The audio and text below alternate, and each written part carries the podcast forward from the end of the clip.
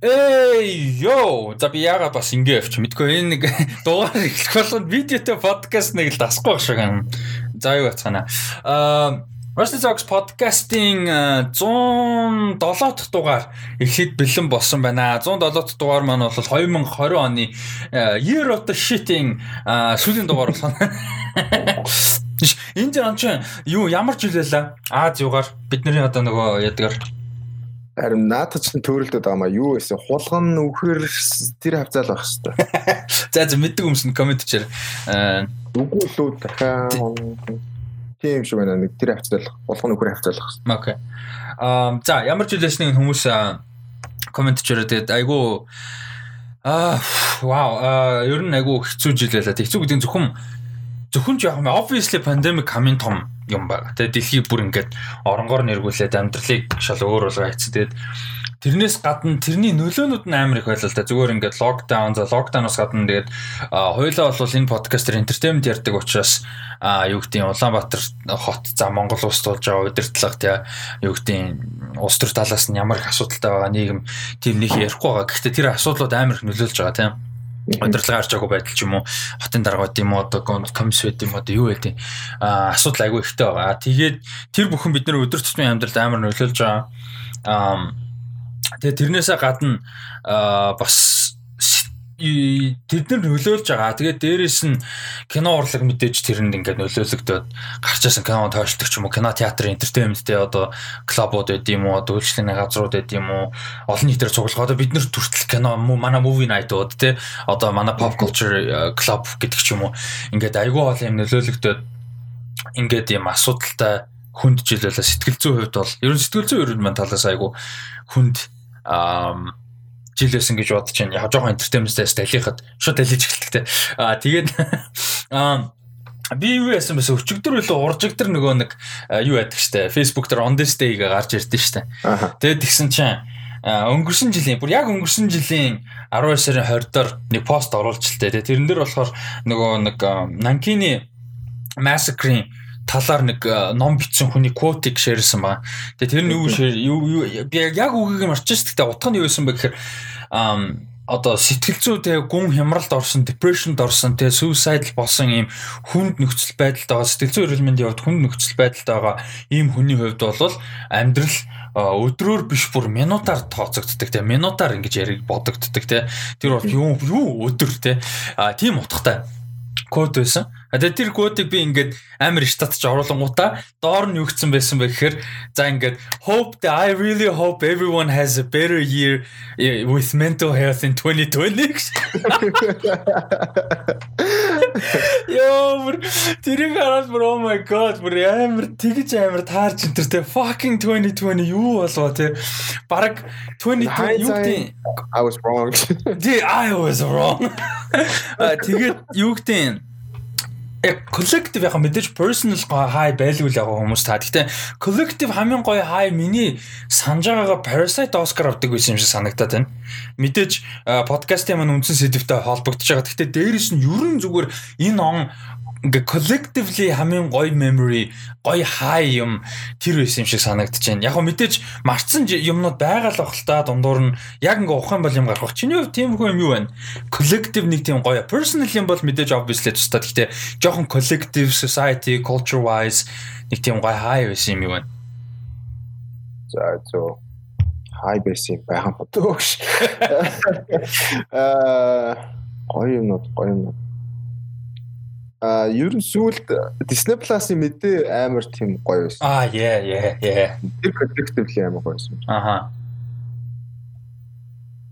Ер нь яг оны төгсгөлж ер нь тэр л ер нь 2020 оныг аварсан даа. Яалч тэр exciting болгоцсон те. Чиний юу ч байхгүй шүү дээ. Дөрвч ч байхгүй. Яа ялчгүй шаал өөр өссөн шүү бас хөөхөн удаан хугацаанд хямарсан байсан асуудал асуудал жоохтой хямарсан байсан сэтгэл зүйдэр бол агуугаа сэргэлт тусан тий.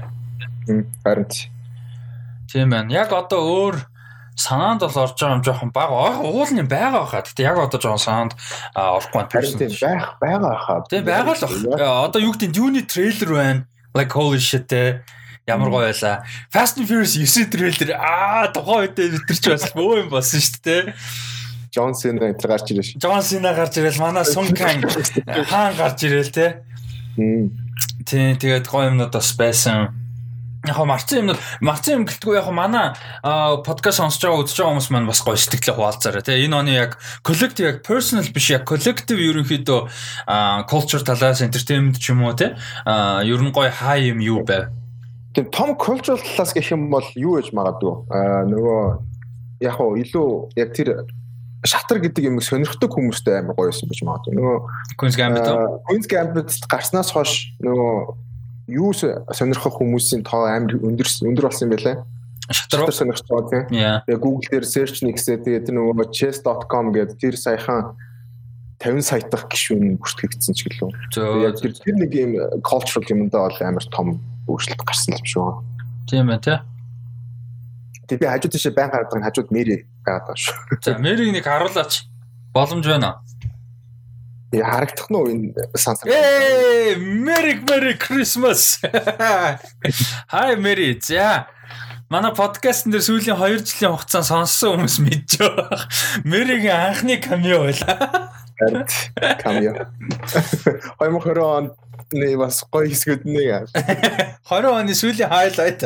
Хайлайт. Нэр байлаа. За.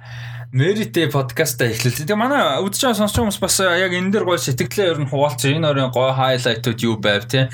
Яг нэг кино, нэг цуврал гэхээс илүү жоохон коллектив нэг тийм шин мэдээлэл ч юм уу үйл явдал байдаг шүү дээ.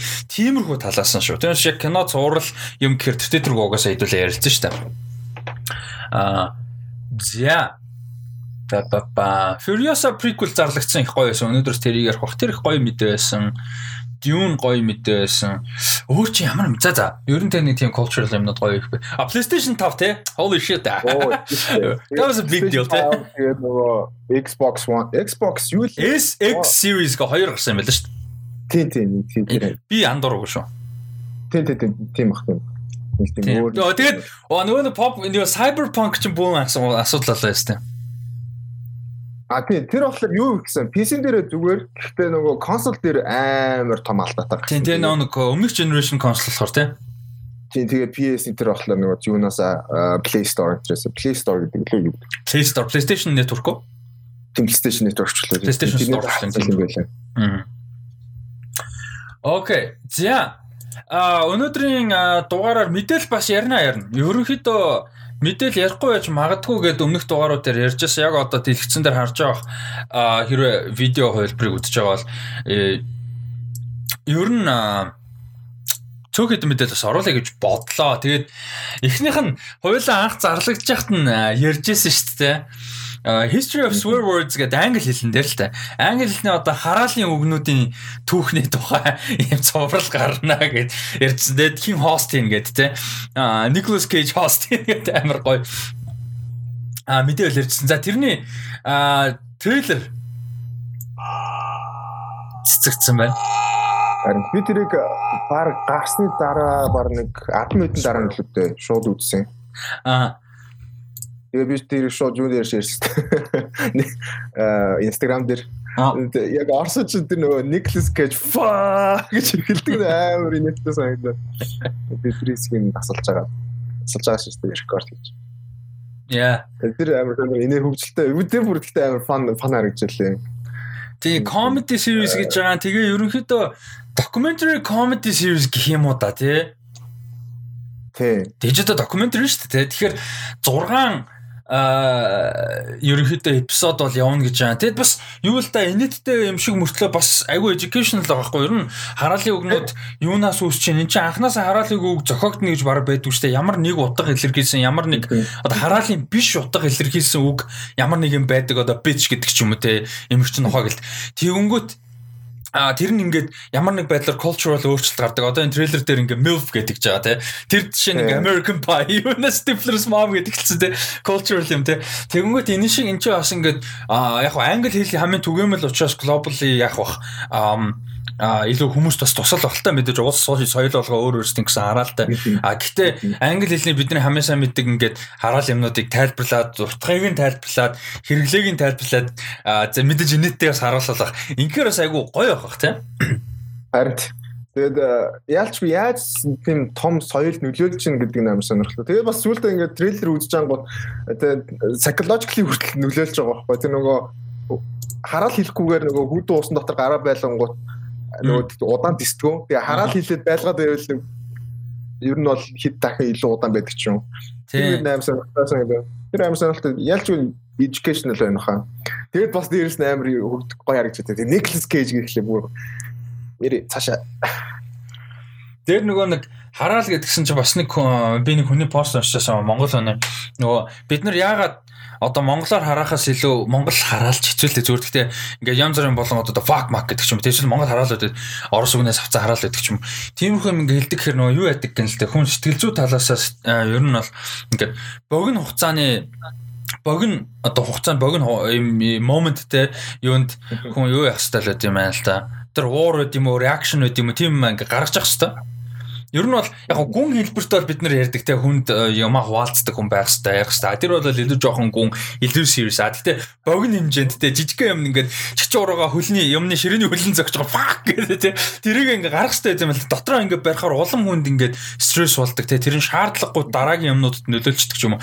Тэгээ тэрийг гэс гаргахын тулд хүн ямар юм develop хийсэн бэ түүхэнд те нийгмээрээ develop хийсэн бэ хөгжүүлсэн бэ гэхээр санаандгүй те хөгжүүлсэн мэрхийг хараал байгаа байхгүй. Тэрийг тэгж гаргадаг те тэрний хин нэг нь буу санаж байгаа ч юм уу тийм биш үү тэр тэрийг ингээд айгу хурдан хугацаанд релиз хийх зорилготой. Тэгэхээр зарим нэг хараал бол тийм юм байгаалгаа юм л та. Тэгэхээр яг хараалын үг муу гэдэг юм автоматар тэ нэг юм муу хар цагаан гэх бас юм биш байгаа байхгүй. Тийм тэгэл дота тоглоо сууж байхад тэгэл нэрвт штэ. Хараалыг бол урсгах штэ. Тэгтээ тэр чинь юу хинс нөгөө зориулсан нөгөө хүнлүү чиглүүлж хэлж байгаа зүйл биш болохоор тийм. Бас юм бодоод байт юм дөө. Тэгсэн чинь а одоо чинь fuck гэсэн чинь fornication under under consent of the king гэсэн үг байгаа байхгүй. Хааны зөвшөөрлөөр загас наадуулах гэсэн утгатай үг байсан байгаа байхгүй тий. Харин тий тэр үр амар тэр. Тэгсэн чинь тэр fuck болсон. Яс.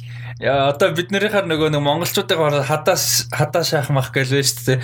Амар ингэ сонин сонин cultural юу яадаг өөрчлөлт ордог. Тэгээ энэний тухай бас ийм 6 эпизодтай богино хэмжээний comedy цуврал аа гарах нь энэ чинь Sarah Sarah Silverman харагдан лээ. Өөр хин харагдчихлаа. Бас комедийн гой гой хүмүүс харагдадсан хэл судлаач модлаач бас хүмүүс байгаа бах тий. Тийм нэг нөгөө Broadway-ээр гарч ирсэн нэг залуу байх шиг байсан. Нэрийг би сайн мэдэхгүй. Аа. Тэгэхээр ер нь нэг хүмүүс харах юм бол яг мэдээ таних хүмүүс байлаа байлаа. Аа. Тэгээд хамгийн том Nicolas Cage л үүтэй. Тийм л тийм Nicolas Cage, Sarah Silverman энэ хамгийн хүмүүс мэдэх хүмүүс нэг. Тэгээд аа Just нэг юу талаас нь legal талаас нь бас ярьж байгаа нь гоё тий. Нөгөө нэг 90-ад онд 80 90-ад онд нөгөө хипхоп ихтэй хипхоптэй амар racial motivated ядчих нөгөөд нь. Тэгээд нөгөө нэг хипхопыг юу яах гэж заруулахгүй тулд хүмүүст хүрэхгүй тулд тий илүү блоклж хааж буурахын тулд нөгөө хараалын үг одоо сенсор гэсэн юм tag тавьдаг юм гарч ирсэн. Тэгээ тэрийг ерөнхийдөө хипхоп э, бол анх тэгж амар хоригдчихсан мөртлөө тэрийг одоо бүр badge of honor болгоцсон те. Бараг parental advisory-тэй болол бараг илүү cool болгоцсон те. Тийм байдаг ч юм уу. Тэр тэрний чинь нөгөө амар тийм том нөгөө lawsuit дээр болж исэн. Хурал юу шүүх шүүх. Тийм шүүх хурал. Тийм. Тэр чинь юу лээ? Boys биш ээ, boys юм аим шиг ямар хамтлаг байлаа. Бид нөгөө юу үзэж байхад evolution evolution of hip hop үзэж байхад гарч ирсэн яг тийм. Би тэгээд яг яг ямар ямар хамтлаг байсан орсон ш. Гэхдээ дуу бүр тэгтээ бүр амар зүгээр сексэн талаар дуулаад нөгөөд нь яг окей ингэ юм байж болохгүй уурлаа. За тэгээд History of Swear Words 6 эпизодтой богино хэмжээний comedy цуврал юу яах нь а 1 сарын 5-нд Netflix-д орох нь байна. 1 сарын 5-нд Netflix-д орох юм байна. Энэ их сонирхолтой юм байх гэж бодож байна. Ер нь үзнэ гэж бодож байна. За дараагийнх нь энэ их гоё out of nowhere гараад ирсэн. Ер нь бол ийм кино хийгдэж байгаа тий тий. Тэг хийгдэж байгаа гэдэг ч юм уу янз бүрийн мэдээлэл ерөөсөө байгаагүй гинт трейлер нь гараад ирсэн. The Little Things гэдэг нэртэй R-rated ийм кино. За энэ кинонд бол гурван яадаг төгсгөлт нь тий Oscar winner, Oscar winner, Academy Award winner, Acad гурван хүн ингээ гарч бас амар харагчлаа тий. Амар харагчлаа. За тэр бол Denzel Washington, Rami Malek, Jared Leto гэсэн гурван жүжигчтэй ийм crime thriller кино бол гарч байгаа юм байна. Нэг сарын а нэг сарын 27-нд Америкт кино театруудад нээлттэй их юм байна. Тэгээд нөх удахгүй 2 3 сарда 2 сарда баг багтаад юу ачхуц видео демандаар орч баха юм гимт хэргийн хэрэгтэй кино байсан. Аа тэгээд ерөнхийдөө трейлерээс нь харж байхад магадгүй эсрэг дүр надаа нөгөө Prisoners-ийн Paul Dano шиг дүр байж магадгүй гэж харагдсан. Тэр дүр нь дүрдэн Jared Leto obviously хамгийн weird нь. Тэгэнгүүтээ хин нэг мөрдөгч Rami Malek тэр зэгт амар уйдгартай мөрдөгчтэй. Тэгээд Denzel Washington болохоор нэг тийм цагдаа мөрдөгч байсан ч юм уу цагдаагийн хүн байсан тэгээ болцсон нэг тийм хүн юм шиг байна. Тэр харагдсан. Чамд ямар санагдав? Тийм тэр ер нь нэлээд байлаар твисттэй кино байна хаа. Би тэгээд сүүлд нь явсаар гад надад зүгээр тэр Дензел Вашингтоны дүр бас нэг тийм зүгээргүй дүр болоод дуусчих шиг санагдсан. Трейлер дээр яг хөө камер дээр хаач мэдгүй л. Тэгэхээр трейлер нэг тиймэрхүү vibe өгсөн. Манайгаар болохоор нэг тийм serial killer хайгаад ах шуугаан. Тэгээд сүүлдээ явсаар гад өөрөө бас нэг тийм талтай ч юм байх ч юм уу нэг тийм барьцгүй юу? Барьцгүй тийм өстой барьцгүй өөрөө бараг serial killerч байж магадгүй гаруулч болж магадгүй тгий санагдсан. Аха. Тийм тэгээд трейлер бол амар гоё харагдчихлээ. Тэгээ гурван жүжигчин ч тэгээ cool харагдчихсан. Аа Гэтэ надад зүгээр ганц яа зүгээр сонч гэжтэй яг realistic хэл зүйл баг л да. Гэхдээ нөгөө Rami Malek-ийн дүр нэг юм хөгшин дүр байх ёстой юм шиг санагдаад. Манай дэндүү залууд одоо залуухан тэгээд нэг тийм босс залуухан босс тэгэнгүүт нэг тийм окей. Яас ч нэг тийм арай илүү настай дүр байх хэрэгтэй байсан. Арай юу гэдэг нэг жоохон 40 гарсан хүн харагдсан бол те харагдахаар байл. Тий, тий. Тиймэрхүү байвал арай тохирох юм санасан. Яасан зүгээр нэг дөнгөж одоо юу гэдэг чинь цагдаагийн хилцэст дилсэж байгаа шин тэг руки юм шиг харагдаад байгаа юм. Надад бол тийм санагдсан. Нэг тийм айгу мундаг experienced за мундаг амар experience нэшин гэтээ мундаг ажилдаа тогтцсон мөрдөгч шиг харагдахгүй байгаа тий. Тий, тий. Аа. Ялтай нэг тийм сан.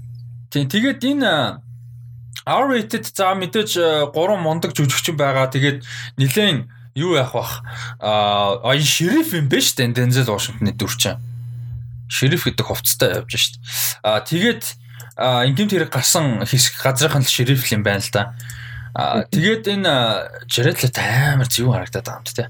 Харин тийм тийм бүр амар creepy харагдаж. Jared Leto-гийн дүр надад юу шиг санагдав. Blade Runner 2049-ийн нөгөө дүр нь үүдэн штэ.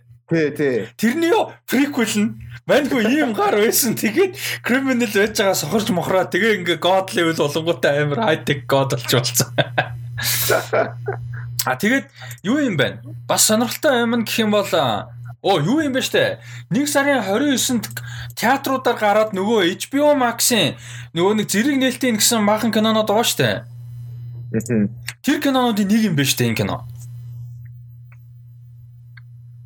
Тийм үү? Тий, тий, тий, тий. Нөгөө нэг 17 кино байгаа штэ. 21 онд кино театрууд болон HBO Max-тэй зэрэг нээлтийг. Аха. Тэрний нэг юм байна. Зү зү. Тэгэхээр нэг сарын 29-нд HBO Max дээр шууд орно гэсэн үг. Cool. Nice nice. Тэгэхээр хэдүүлээ 2 сарын ихээр бол сайхан piracy нээлттэй болох нь дээ. Америкт дэх хүмүүс HBO Max-аар үзэх боломжтой болно. Аа тэгээд яагаад тах шиг байлээ. Энд чинь нэг аргалал яаж хийж байгааг үзээлэх шүү. Ааха. А тэгээд э, юу юм бэ? Энд ч бас айгу гоё. John Lee Hancock гэд найруулагчийн кино юм байна. Мань хүний найруулсан кинонуудаас бас дурдхад юу вэ? Sandra Bullock-ийн Oscar авдаг The Blind Side-ыг найруулсан юм байна. А хин а Emma Thompson, Tom Hanks хоёр тоглодог Saving Mr. Banks киног найруулсан юм байна. Тэгээд нөгөө McDonald's-ын үүсгэн байгуулагчийн тухай Michael Keaton тоглосон кино гэдэг чинь The Founder гэдэг Тий, тий. Тэрийг найруулсан юм байна. А тэгээд сүүлд Netflix дээр гарсан 2019 онд орсон Kevin Costner хин хоёр тоглосон Woody Harrelson хоёр тоглосон crime drama кино байдаг. Тэрийг бас найруулсан юм байна. Окей. Тэгэхээр бас ер нь тун давгүй найруулагчийн кино юм байна шүү дээ. Гэхдээ яг нэг тийм biography кино хийж байгаад тэнгуүтээ амар тийм триллер мэрэлэр тиймэрхүү кино орж байгаа юм байна тий. Тийм. Тэгэд biography кинод бас дандаа нэг тийм амар sunshine biography гэхээс илүү жоохон dramatic.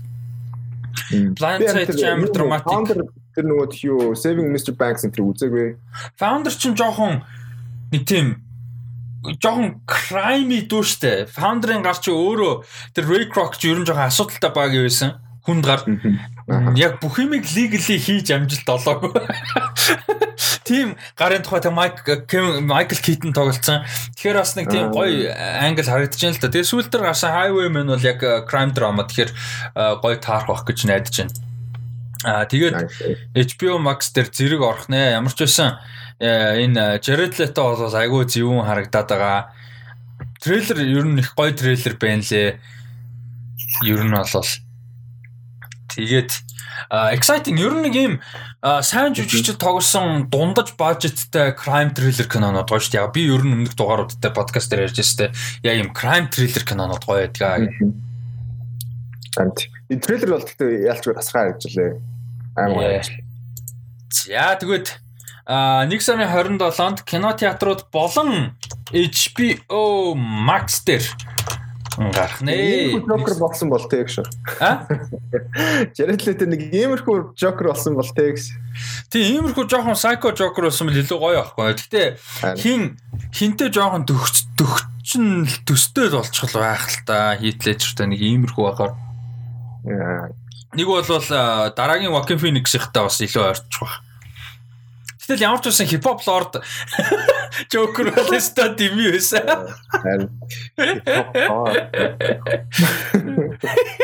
Хипхоп лорд Joker л үнэхэр дими байсан. За. Э. За дараагийн за эхлэн мэдээ болохоор а Furiosa Furiosa-гийн киноны release date зарлагдсан. За тэр нь болохоор 23 оны 6 сарын 23 гэж 23 он гэсэн байлаар хоол гэж ба. Зарлагдчихэ. За энэ дээр юм байл та. За энэ дээр бол нэг амар мэдээлэлтэй тайхан байхгүй. Угаасаа Yaya Abdul Mateen the second байгаа Yaya Abdul Mateen байгаа. За Chris Hemsworth байгаа. Тэгээд Anya Taylor-Joy. А тэгээд яг жижигхэн мэдээ апдейт гэсэн чинь 8-аас 10 насны хооронд хэнийг Furiosаг харуулах хүүхэд жүжигчин бол бас каст хийнэ гэсэн мэдээлэл байлаа. Тэгэхээр нэлээд хүүхэд насыг нь бас давхар харуулах юм шиг байна. Тэгээд хүүхэд насыг нь харуулангаа бас world ямар байсныг харуулах баха. Одоо тэр Charlize Theron-ы дүрч одоо юу гэдэг нь 40 40 байгаа эсвэл дөнгөж 40 гарч байгаа эмэгтэйгийн дүр байгаа шүү дээ. Fury Road дээр Ер нь бол тэр нэг юу Many Mothers гэдэг нэг газараас ирсэн байдаг үстэй. Тийм тэр нь ногоон байсан энэ төр гэдэг те. Тэгэхээр нэг бараг хүүхэд насны гэхэр чи бараг 30 гаруй жилийн өмнөх те 30 орчим ч юм уу жилийн өмнөх world-ыг харуулах нь байна. Тэгэхээр Mad Max-ийн юу өмнөх кинонууд шүү дээ Мел Гибсон тоглосон тий. Тэр кинонуудынх нь үйл явдал илүү дөхөн гэсэн үг. Цаг хугацааны хувьд. Үйл явдлын биш юм аа гэхэд цаг хугацааны хувьд илүү дөхөх баг. Аа тэгээд мэдээж Ани Тейлор Жойхоо ороод ирэхээр арай дундуур нь болоод ирэх байх гэж бодож байна. За энэ дээр бол 23 оны 6 сарын 23 гэж байна. Тэгэхээр одоо ингээд дорож 3 жил 3 жил хагасын дараа байна л да. Энэ дээр би чамаас юм асуух гэдэг юм л та. Чиний санаж байгаагаар хамгийн олон одоо яг одоо мэдээллийг авч байгаа шүү дээ. Тэр мөчөөс хамгийн олон жилийн дараа релиз дэйттэй кино хизээ хүлээжсэн бай. Нэг тийм хүлээл. Одоо жишээ нь Furious-аг бол хэдүүлээ мэдээж хайптай байгаа тийм үү. Тэгэнгүүт аа яг тийм кино юу байсан бэ? Чиний хувьд санаж байгаа. Avengers. Avengers. Endgame. Ер нь бол гэхдээ яг тухайн үед нөгөө нэрийн зарлаг байсан нөгөө part 1, part 2. Infinity War part 2 гэж байсан шүү дээ тийм part 2 гэж байсан. Тэр бол бүр амар бүр за энэ ч очсон гэж удах бах таа гэж бодчихсон. 14 онд зарлагдчихсэн тий. Тий. Тэр ч одоо 5 жил мэлэг гэсэн юм. Тийм. Би болохоор А тий Infinity War 1 2 яалтчгүй том юл та Phase 3-ыг тэр чигээр зарласан шүү дээ тухайн үе чинь. Тэр ч бас амар big deal байсан 14 онд. Аа миний санаж байгаагаар тэр бол амар гоё. Гэхдээ миний санаж байгаагаар Boyhood Тэгээ Boyhood болохоор би бүр 2007 молоо 8 онд ингээд харж ирсэн бохгүй. Тухайн үед чинь MCU ч тэгэж амар зарладаг. MCU байгаа ч хүү. Тэгэд ингэж амар олон жилийн ирээдүйд одоо юутай зарладаг байгаагүй шүү дээ. А би болохоор Avatar-ыг айгүй хүлээж ирсэн тухайд Avatar ч гэдэг нэргүй project юучлээ нэг тийм нэртэй а тэгээд science fiction амар epic sci-fi кино гэл те. А production генетер гэж ярьдаг байсан релиз дэт нь тодорхойгүй. Тэгэд релиз дэт тодорхой та нар бодол та. Тухайн үед за ингээд тэгж зарлдаггүй байх үед 2007 8 онд 2012 онд билүү гарна гэд boyhood release date байдаг байсан. Тэгээ тэрийг би Richard Linklater-ыг мондог зундаг инээдэр ээж гэж мэдгээс илүү зүгээр л ийм амар олон жилийн ирээдүйд release date-тэй зарлцсан драма кино байгаа гэж бодхоор гэж бодоод хүлээдэг байсан. Яа тэгэл нөгөө жил болгон зураг авалт авч байгаа гэд 2001 2 оноос эхэлсэн ч үлээ те. Аа тиймэрхүү. Тэгээд тэгэл 2007 оноо 8 оноос хойш boyhood-ийг хүлээсэн. Би одоо хүртэл үзээгүй. Э хүлээж байгаа одоо хүртэл хүлээж байгаа гэх юм бол Avatar 2 бас байж магадгүй юм. Яа. Avatar 2 чи анх юу лээ 18 онд 19 онд гарна гэж ялаа. Гэсэн баха. Тэгээ одоо ч юу лээ 21 он юу лээ 20 21 23 25 27 гэлөө. Харин юу лээ? Би нэг тийм сондгоо жилдээ санагдаад тах юм. Харин тийм л. Яа тэгээд мэдхгүй яг үзэх юм уу ч юм уу. За манайд бас э, тэр тал дээр сэтгэлдээ хаалцаарай. Хамгийн удаан хүлээсэн кинонууд юу байв? Одоо энэ нэг сард гарч байгаа Chaos Walking team кинонд нэг болж ах шиг байна. Би бүр 18 оны 12 сард оруулсан постн дээр байлаа шүү дээ. 19 оны хамгийн хайп хүлээж байгаа кинонуудын лист гэсэн чи Chaos Walking явж илсэн шүү дээ. Тийм яг зураг тавиад ихэлсэн л дээ гараад тэгээд тэрнээс хойш таг бас. Юу бас New Mutants-ыг бас зов зов зовж нэг гүйтсэн те. Би тийм New Mutants-ийн амар утсан. За Өш Ричард Линклейтер ч бас нэг team project зарласан шүү дээ нэрээ. 60 юу лээ 30 жил зураг нэг лөө 20 хэдэн жилчлөө нэг солиотой юм зарсан санаж байна уу? Тийм баха. Би нөгөө бас юу аа хин гэдэг үлээ? Ян Макович гэдэг үлээ. Джон Макович а Джон Маковичийн нэг кино байх хэвээр. Аа хийцэн. Гэтээ release date нь болохоор хэдэн жилийн дараач л тийм хм. Бараг 100 жилийн дараач л юун дээр Ричард Линклейтерийн тэр нэг тим кино байсан юм Эвен Макгрегор билүү Мэдгүй нэг тийм дайгуул жүжигч юм үжигч чинь те. Аха. Тийм тэгээ бүр 20 30 жил зураг аваад 15 онд юм. А? Энэ нөгөө John Malkovich-ийн кино болохоор нэр нь болохоор The Movie You Will Never See гэдэг нэртэй tagline юм. За 2015 онд яасан юм бэ? Release-гүй хийх дууссан юм уу та? Тэгээд 100 жил, аагүй 100 жил гэдэг нэртэй. Тэгээд release date нь 2115 онд юм. Гэтэ наач нь бол жоохон нөгөө нэг experimental art маягийн юм байгаа бах тий. Кино гэхээс илүү. Тэгээд 2115 оны 11 сарын 11-нд release шишин. Тэгээд трейлертэй ч юм байна. Тийм. Гэтэ наач бол яг нэг тийм бидний ярьдгаар уран сайхны кино бол биш бах тий. Тийм л. Илүү жоохон experimental бах. Тийм байна. Experimental science fiction film. Аа. Тэгэхээр Linklater-ийн project-ууд илүү яг нөгөө классик кино утгаар бол ойлголтоор кино яг байгаад байгаа байхгүй та. Гэтэ Малкович бас тэгж чад сонирхолтой гоё юм шүү. За. За нэг тиймэрхүү аа э, дараагийнх нь болохоор энэ бас айгүй сонирхолтой юу байгаад байгаа шинэ space race гэж байгаа. Аа тэнцээ хасаа тэнэс аягдсан шүү. За энэ болохоор хин А Том Круз 200 сая долларын бажеттайгаар сансарт зураг авалт аван за зураг авалт аваад сансарт гэдгээс гадна интернэшнл олон улсын сансрын станц дээр зураг авалт авах зорилготой нэг юм киноны прожект бол а яригадаад байгаа энийг угаасаа өмнө ярьжсэн бид тэ. А тэгээд 21 оны 10 сард ерөөдөө зураг авалт авнаа гэж а зааж байгаа. Тий. Том Круз бол тэгэж ярьжсэн гисэн чинь Орсын а одоо энэ юу юм байна л да channel 1 гэхээр бидний мэдгээр нөгөө юу гэдэг штэ? O2-тэй энэ төр юм шүү O2-тэй чинь нэг гэдэг сууг үлээ эсвэл O2-тэй нэг хоёр ч тустай болов. O2-тэй тустай хаа нэг нэг гэсэн нэг сууг байдаг штэ тий. Одоо Univision энэ юун дээр байгаа штэ. Тий нэг том том томоор нэг гэвчсэн. Тийм. Тэр одоо өөрчлөгдсөн юм уу мэдэхгүй. Тийм, Channel One гэр тэр л юм байл та. Тэд нэр Орсын Сансринстай одоо эйженси агентлагтай хамтарч Роскосмостай хамтарч одоо юу яаж байгаа юм бэ? Аа, Challenge гэдэг нэртэй кино хийхээр болж байгаа. Тэгээ эмгтэй жүжигчин сансралт нисгээд а 21 оны 10 сард олон улсын э, сансрын станц дээр зураг авалт авахаар төлөвлөж байгаа гинэ. Тэгээ энэ бол одоо 60-аад онд мэдж байгаа.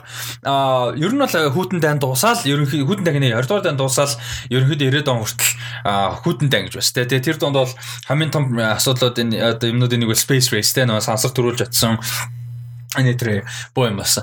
А сансар дээр юм уу болгосон энэ. А тэгэнгүүт энэ хамгийн том одоо юу болж байгаа юм байна? Шинэ Space Race болж байгаа юм. Энэ дээр ямар сэтгэлтэй байна? Юм амир нийтээ. Тэгээд чи тэр нөгөө юуг тавьсан нь тавьж байгаа шаардлагууд уншсан уу? За. Тэр бүр тэгтээ бүр ёо юу юм бэ? Тэр actress мөн үү нэг бол тамирчин те нэг бол perfect human being гоо. Аа. Тэгснэ ингээд 50-аас 70 кг гэж байгаа. За 50-аас 70 кг гэж байгаа. Тэгснэ chest girth одоо нөгөө тхөө одоо цэжний өргөн өргөн нь болохоор 112 см. За 112. За. 1 км-ийг вэ штэ. 3 минут хагасын дотор гүйж чаддаг. 800 м-ийг 20 минутын дотор фристайлер сэлждэг. Тэнгүүтээ аа юу 3 метрийн өндрөөс юу услан үсрэхтэй бас impressive техниктэй үсэрдэг гэж байгаа юм. Яа бүр эдгээр алхнэ гэж одоо тэр тавьж байгаа шаардлага байна аа нийтдээ. Тэгснэ 25-аас 40 насны. Яг хоо Энэ нь киноных нь гэхээс илүү нөгөө юу л баг л та. Space Station тэ нөгөө нэг сансрын нислэг гэдэг утгаар л мэдээж баг. Гэхдээ яалч юу кинон дээр бид нэр ийм одоо тэ нөгөө кастинг дээр юу харж байгааг болохоор тэ. Харин энэ үжилтэй л. Тэгээ бодвол тэгээд яг энэ шаарлал марлалт нь Том Круз хангалттай л хүрэх үү тий. Yes exactly. Том Круз асуудалгүй сурчин сурчин шууд. Тэгээд давцсан мавцсан дээрээс хангалттай өсөрчихвэл гэдэг юм. Imagine Tom Cruise 3 метрийн нэг олимпийн давцангаас амар ийм ийм поз моз авч өсөж. Чар урж байгаа Tom Cruise. Ямар санда 2000 оны ихөө Джеймс Кэмеронтэй сансар зураг авалт авыг өнгөтэй зүгээр зүгээр би Space Engineering сурчих гэсэн гэдэг байгаа шүү дээ. Харин тийм бүр амар. Борч юу. Гэтэ all jokes aside яг үнэхээр за Том Круз гэлтгүү. А орсч үт юм хинч үтэн зүгээр сансарт. Бүр кино одоо тэгээ уран сайхны тэгээ бид нэр баримт дэш уран сайхны кино зураг авалт хийх зорилготойгоор жүжигч нь бэлдээд. За ялангуяа бүр жүжигчин хүн нисээд одоо юу гэдэг анханасаа сансрын нисэх зоригтой хүнийг жүжиглүүлэх биш. Тэгээ Том Круз гэдэг шиг жүжигчин хүн бэлдээд яваад зураг авалт аваад тэрэн дээр найруулгатай зохиолтой юм зураг авалт хийж чадах юм бол кино урлагийн түүхэнд зөвхөн Америкт л дэлхийн кино урлагт бас амар том чаптер болох бах та. Тийм ба. Сонирхолтой л. Сайн гараа тэнийг юм дээр өрсөлдөж байгаа юм шиг. Тэгээ ялангуяа Том Круз юу ячвал бүр амар хайлайт хийгдэн л дээ Яа, арт тий. Тэгээд fucking Tom Cruise 50 за яг залуу хүнийгээр баг 50 60 хүрж байгаа Tom Cruise хэрвээ энийг ингээд project-ийг бүтээж чадвал те бүр holy shit Mission Impossible цаашаа юм болно шүү дээ. Tom Cruise-ийн карьерийн high achievement болно шүү дээ. Нөгөө master class дээр үзэдээс нөгөө сансрын нисгч юм билээ нэр нь. Chris Hadfield. Тэр хиттэй юм бэ? Chris Hadfield одоо бол Mission-д явахаа болцсон шүү дээ. Гэтэ 50 гарцсан баха одоо бол. Яг хөө тэгэхээр нэг тиймэрхүү насны хүмүүс бас явж болох юм тий. Яг хөө 50-ад насны хүн бол яг хөө явахын хувьд бол явдаг. Гэхдээ Том Крузын кейсэр тэр чи яг насаараа бэлдсэн хүн биш байгаа даа байхгүй. Одоо 61-тэй байна Крис Хатфилд. О тийм үү? Тийм байна. Хамгийн сүүлд 13 онд ниссэн юм байна. Тэгэхээр бас болдог юм байна л да 50 хэдтэй байсан 54-тэй ниссэн юм байна. Тэр physical condition яг байгаа бол болох үед бол болд юм байна. Гэхдээ эн чинь өөрөө бүр мэрэгчлийн армийн нисэгч хүн штэ. Тест пайлот хүн штэ тэр чинь шал өөр штэ. Жүжигч хүн нөгөө тэгээ Air Force-ийн нисэгч хүнтэй насаараа залуураа нисэгч байсан армийн хүн өөр. Ялчгүй тэгээд нөгөө тэгвэл бие бүр нэг тийм топ кондишн барьдаг болохоор амар залуу харагддаг тийм. Би би тэгээд Chris Hadfield үнэхээр 61-тэй гэж бодохгүй бодохгүй байна. Харин тийм байна. Би 61-тэй гэж гайхлаа шүү. Амар залуу харагддаг. За энэ дээр сэтгэлдүүдээ хаалцаар хэн маань бол Том Круз ахвал уулын 400 саяын project-тэйгээр юу яах санаатай байгаа. А биш 400-наас sorry 200 саяын төсөвтэйгээр олон улсын сансын станц дээр зураг авалт авах санаатай байгаа. Ер нь бол Яа, тэгтээ нэр хүн болж төрснийх бас сансарлуу нэсэд үзчихмээр л шүү дээ. Харин тийм ээ. Тэр гэхдээ хүүхэд байхад ингээд хамгийн том нэг юм бүр human level мөрөөдлүүдийн нэг байдаг шүү дээ. Хувь хүн гэхээсээ л нэг яста чиний л хүн болж төрснийх гэдэг юмнуудын нэг байдаг байсан. Тэгээд одоо ингээд adult болоод яваад ирэх тусам э, хизээч судлаа байна да гэдгээ мэдэж эхэлж байна. Тий, тий. Тэгэхээр ямар ховын дээлээ. Kind of sad. Yeah. Тэнгууд тэгэл гоё нөгөө зураг мурны л инж айдах юм да. Тийм нөгөө нэг сансарт явж байгаа Tesla-гийн сансрын нисгчийн бичлэгийг хараад гоё юм да. Яа. Гоё юм да. Хүүхэд байхад юм болгон ингээд хизээч лимитгүй айгу гоё байдаг гэж тэ. Тинейжер байхад ч гэсэн тэ ямар ч юм лимитгүй бүх юмыг чадах юм шиг гоё санагддаг гэсэн indestructible санагддаг өстэй. Одоо бол тэгэл дэлгүүр гараад алхныг өнгөт заа байж байгаараа юу вэ? Залхуурдаг байсан шүү дээ. За.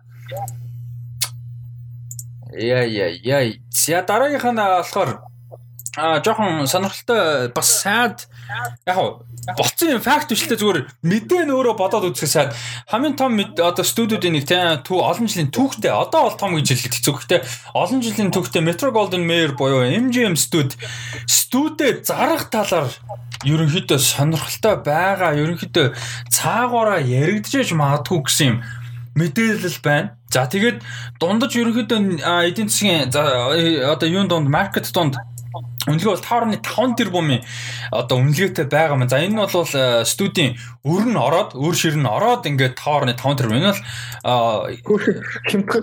Тий, тий. Студио гэхэд хямдхан дээ. Өр нь ороод 5.5 тэрбум гэхэд өдөр хямдхан байхгүй юу? Jeff Bezos баг нэг юу лээ? Jeff Bezos хэдэн хоногт авах юм? Elon Musk тэр хоёр нэг fucking 7 хоногт авах нь дээ. Харин тийм шүү.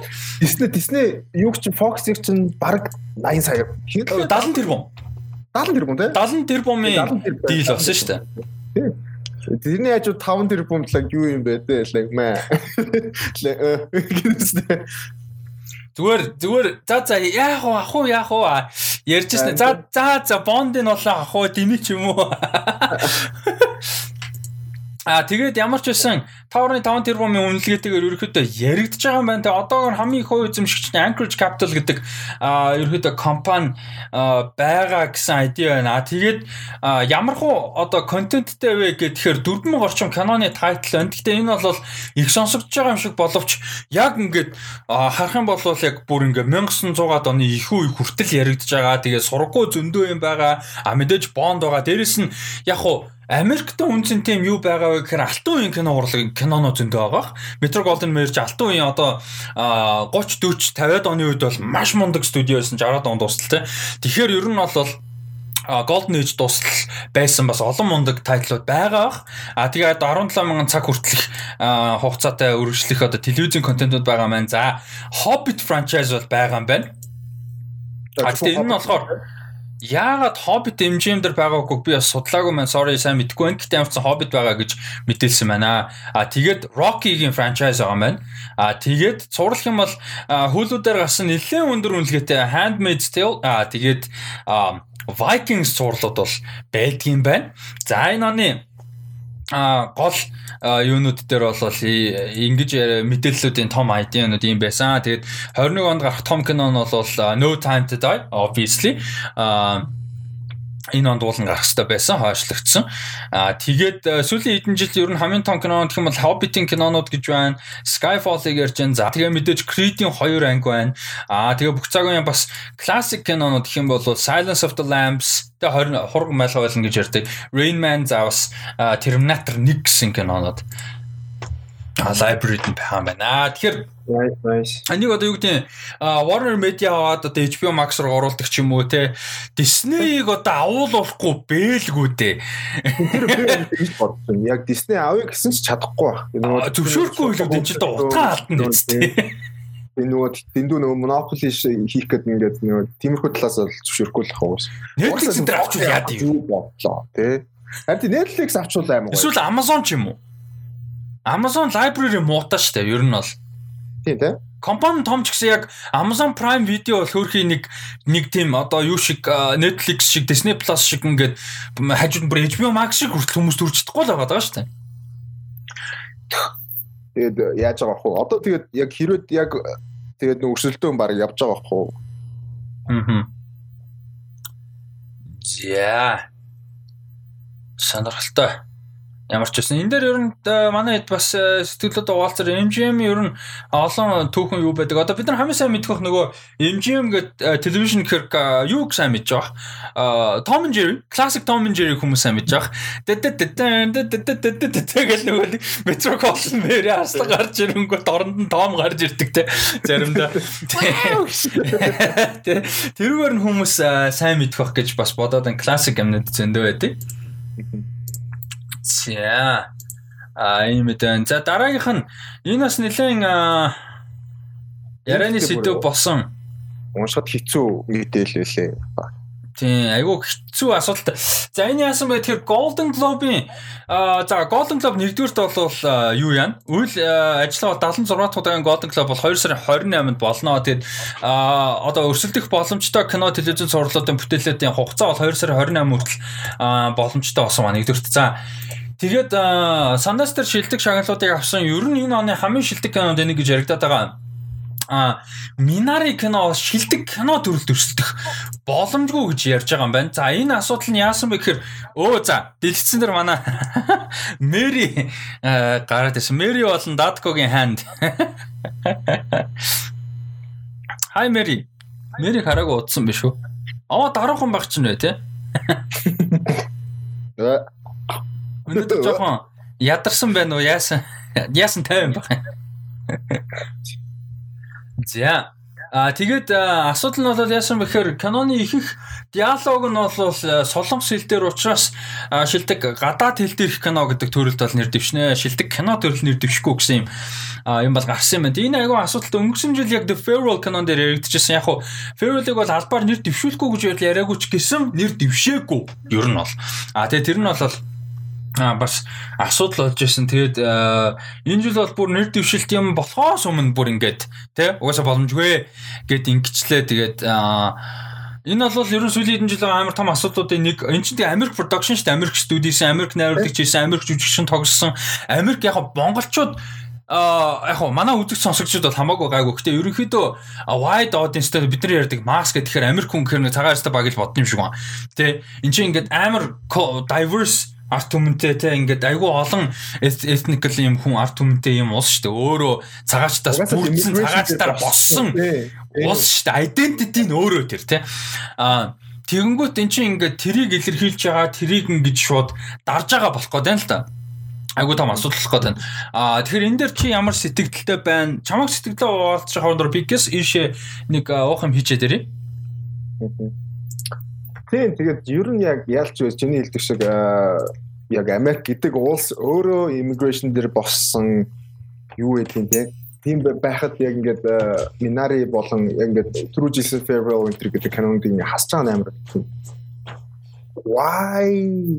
Тиймэр нэг тийм racist нэг тийм арьс өнгөөр ялгуулсан нэг бол одоо үндэснэр нь ялгуулсан ч бай үндэснэрийн чиглэлээ ялгуулсан чашаа гэхдээ нэг тийм их юм яадаг шүү. Тэгээд олон уран бүтээлчд энэ эсрэг юу бон твит бичсэн байна лээ. Тэгээд жишээ нь Lulu Wang байна. Тэгээд хин бэлээ а нөгөө Шангчи тоглож Шангчи тоглож байгаа Симулиу тэр байсан. Тэгээд Миний алч үү тэгээд яг юм юмэр ч юм бэ. Pop culture гэдэг юм дотроо бол байх ёсгүй зүйлүүдийн нэг байгаад байдаг. Тэгээд одоо acting ч юм уу нэг бол одоо юу гэдэг film industry ийм байгаад байгаа нь амар хамсалтай байна. Тэгээд энийг өөрчлөх хэрэгтэй байх гэдэг. Ер нь ч тэгээд жил болгоно нэг иймэрхүү асуудал гардаг дөө. Одоо жишээ нь Оскар а одоо харагчтай хүн нэр дэвших гэж юу болдог вүлээ. Нэг бол эмхтэй найруулагч гэдэг ч юм уу. Тэгээд миний хувьд бол энэ бол ер нь бол хүлээж авахд бол хэцүү л бидээ үлээ. Яалтчгүй таалагдаагүй. Тэгээ яг юу яасан юм бэ? Шилдэг гадаад хэл дээр кино гэдэг юу л бол орсон юм байна. Төрөл рүү бол орсон юм. Тэгээд гэхдээ нөгөө best picture-д бол нэг дэвшгүй. Аха. Тэгээ энэ тэгээд хамгийн гол нь нөгөө энэ дээр бас нөгөө бүгэн твитүүд явж байгаа харсан чинь аа Inglourious Basterds ер нь 30% зөвхөн англи дээр байдаг. Бусд нь болохоор одоо өөр хэл дээр байдаг. Итали, Франц тийм. Тэгсэн мөртлөө шилдэг канон нэр дэвшсэн. Минарыг би яг үзэг болохоор сайн мэдэхгүй. Гэхдээ Минар ер нь бол яг Америкт яг яаж хөлөө олох те хөлөө олж байгаа гэр бүл цагаачлал хийсэн гэр бүл юу болж байгаа. Тэгээд ихэнх баг англи дээр юм шиг байлаа шүү дээ. Тэгэнгүүт тэгээд яагаад ингэж байгаа юм бэ гэдэг ер нь бол амар олон tweet олон хүмүүс юу вэ? Tweet tweet байлаа. Энэ бол надад бол яалт юм rob me wrong way. Минари бол яг уу уул нь юу юм бэ лээ? 60 70% солонгос хэл дээр гисэн л дээ. Диалог нь. The Farewell ч гэсэн тийм. Гэтэ Farewell ч одоо American production шүү дээ. American кино тийм. Тэгэхэд бас нэг тоогдог. Тэгэд яг хоо энэ ингээд нөө нэг хүмүүс ярьдаг дээ. Хүмүүс гинэ. Одоо энэ нөгөө нэг Black Lives Matter movement гэж энэ жил явлаа тий. Аюу тий. Айгу олон асуудалтай нөгөө ярихаар systemic racism гэж яриад байдаг тий. Тэр яг kind of энэ байгаа байхгүй юу? Яг ингээд нэг тийм Э, чи Аз болохоор чи муслим болохоор араб болохоор эсвэл үгдэн чи хар болохоор үгүй гэж хэлхээсээ илүү юм заваан системик те маягаар ингэж ялгуурсан гадуурхсан те э, хойшлуулсан түлхсэн ийм асуудлууд бол гардаг. Тэгээ энийг л ерөнхийдөө э, эсэргүүцээд байгаа юм шүү дээ те гол асуудал ч. Харин тэгээд яа This is wrong. Тэгээд A24-ийн кино Тийм дээ. Юу лээ? Аа. Би зүг зүг санаж байна те. Yes. Тэр чи A24 чи Америк компани шүү дээ. Production те. Би тэгээд санаад байна. За яг би юу байгаа те confirm хийгээ те. Би тэгээд санаж байна. Тэнгүүт чин найрлагч нь бас Америк хүн байгаа гэдэг. Ихээ A24 мөн. Тэгээд продюсер компаниудын нэг нь бүр Plan B Entertainment гэх одоо продюсер компаниудын нэг нь A24 дээр нөөдөн Plan B. Plan B чинь Brad Pitt-ийн компани шүү дээ хийж байгаа бол сонь л юм. Тэгээд мэдгүй яг нөгөө иймэрхүү backlash авсны дараа гэхдээ нөгөө том иймэрхүү одоо association ч юм уу юу гэдэг academic ч гэдэг юм уу юм боддсон юм шиг байгаамаа тэгээл нэг зарим нэг өөрчлөлт хийгдэл байт. Тэгээд хамгийн гол нь яг одоо ингэ хүмүүс хэлж байгаа дээр сайн сонсоод өөрчлөлт хийгээсэй гэж найдаад та. Тэгээ асуудал нь хамгийн гол нь заавал ингэн байж амар том backlash болон байж өөрчлөлт оруулах амар сэтгэлгүй тэгээ хүсэлгүй гэдэг нь харж байгаа. Зүгээр хүмүүст нийцүүлэхийн тулд юм өөрчлөлөх чинь нэг үү шүү дээ. Одоо чинь бид нар diversity ярьдаг, equality ярьдаг тийм Зүгээр л олон үндэстэй хүмүүсийг байлгахын тулд эсвэл нэг LGBT character байлгахын тулд байлгах ч нь шалгуур. Тэр бол pandering тий. Яг actual equality diversity биш байхгүй. Зүгээр а ийм байлгахын тулд гэж ингэх ч юм шал тэнийг асуулаа. Зүгээр агуулга гүйцэтгэлтэй хийц боломж ажил бизнес одоо нэг ажил олголт гэдэг ч юм уу те тэнцвэртэй эргэж тэгш байдал тэр талаас нь яг genuinely цаанаасаа одоо яг юм хүмүүсийн төлөө гэсэн те центртэй байдлын төлөө тэгэж хандах нь чуулгахгүй. Түүнээс биш заавал кино болгон дээр нэг ингээд янз бүрийн рейс хүмүүс байх хэвээр те заавал нэг гейдүр байх хэвээр гэдэг юм. Гейж шин те тэр хүчлэгтэй гол нь биш зүгээр naturally ингээд ийм уран бүтээл юмнуудаа дэмжих суппортлох те а systemic racism одоо халж болиулах тэр нь л илүү а чухал асуудал байгаа юм л та. Тэгин чи бол ялангуяа Аз community тэ кино урлагийн Аз community бол маш дургүй хүлээж авч байгаа аргагүй. Lulu Wang за Daniel Day Kim одоо Shang-Chi кинонд тоглож байгаа Liu бол нэлээд дургуйсан. За зөвхөн Азууд мэдээж биш кино урлагийн айгүй олон хүмүүс бол ер нь дургуутсан байсан. Тэгээ энэ ч зөв. Дургуут сонц зөв байна. Тэгэд иймэрхүү юм дээр зөвхөн Азууд гэлтгүү хүмүүс бас дугаараасаа тий өөрчлөөсөө гэж чинь. Энд чинь одоо бид нар ингээд чипто хоёрын чи яриад нэг амар юу гэдэг юм. Холливуудын асуудал шийдэд байгаа даа биш үгүй. Одоо Жишээ нь Parasite Oscar авахд Монголд юу болов? Тэг хүмүүс ямар амар их нөлөөлөө Parasite те а гэдэг ч юм уу. Тэрнтэй адилхан одоо жишээ нь Minari Golden Globe-д нэр дэвшгээд те. За яг кинонохон сайн мөнгө мэдгүй нэг угаас олон шагаал аваа ярьж байгаа зүгээр Аз болохоор нэр дэвших хэрэгтэй гэж байгаа юм биш шүү. Зүгээр гэхдээ хэрвээ Тэ үнэхээр сайн байгаад тэ ийм системик асуудал байхгүйгээр зүгээр үнэхээр чанараараа сайн байгаа нэр дэвшээд магадгүй шагнал авлаа гэж бодоход хүмүүст ямар хөрөх вэ? Дараа монголчууд үзэх боломж яаж гарах вэ? Тэ гэдэг ч юм уу зүгээр зөвхөн өөрсдөө бид нэр ярих ч тэ. Тэгэхээр энэ бол айгүй чухал асуудал байгаад байгаа маа тэ. Аа зөвхөн Монгол гэлтгүй глобали ямар олон хүмүүст хүрэх боломжтой тэ. Минари гэдэг кино найруулагчийн нэр гарах боломжтой. Э, жүжигчийн нэр тэ A24-ийн нэр гэдэг ч юм уу. Кинон хүмүүст хүрэн тэ. Ийм одоо олон боломжууд бол нээх боломжтой хүмүүс тийм хөрөх боломж бол үүсэн тийм учраас энэ бол айгуу чухал асуудал юм аа зүгээр нэг тэнд ингээд дэлхийн нөгөө тал болоод байгаа нэг кино студийн асуудал бол бас биш ээ ингээд гэж бодож байна. А тэгээд сая би энэ ч хям талах хям талах юунд гүйж ирэхэд цанд гүйж ирэхэд сэтгэлээ болж исэн баярлаа дадко би бүр өдрөөс хойш юм эдэг ус оцч бүр амар өсөж байна ёо. Подкаст дуусаад нэг жоох юм болж идэхгүй бол Хийсэн айдиагаа тэгэл 3 4 тавцлаа. Гэтэ нөгөө нэг минут нөгөө эфир шиг эфирээр нэвтрүүлэг өрж байгаа юм шиг нөгөө нэг минут барих хэрэгтэй байдаг шүү дээ. Тэр шиг ингээл яриа л байдаг хоолой тойрол юм яриа л байдаг. Тэр шиг сайн нөгөө SPS дээр хөлбөмбөг тайлбарлах гад очсон байж тээ. Нөгөө нэвтрүүлэг нь гарч ирсэн аахгүй. Нөгөө шууд нэвтрүүлэг нь. Тоглолтын өмнөх нэвтрүүлэг тест юмстай гардаг. Тэгээ ингээд найруулагч нь ингээд хуваар гаргацсан. Тэгээ хоёр залуу яг нөгөө хөтлөөд байж байгаа аахгүй. Тэгэл ингээд за одоо тим руу шилжээрэй гэл ингээд харж ирсэн. За одоо тимийг яриараа гэл. За одоо энэ лөө орно шүү за тэрийгэ дуусгаарай гэл Тэгээ тэгчихсэн. За 1 минут барина шүү. Тэгсэн чинь нөгөө орж ирсэн. Сайхан ярьж өгч байгаа чи яг 1 минут барина шүү байл гэсэн нөгөө сэдвээс сайхан ярьж. Э тэр шиг. Э зя. Энэ бол юм байна. Тэгээд алтан бөмбөрцөг шагнал гардах ёслолын хувьд бол 2 сарын 28-нд болно гэж байгаа. А Тина Фэй, Эми Полер хоёр дөрөв дэх удаага ерөнхийдөө хөтлөн.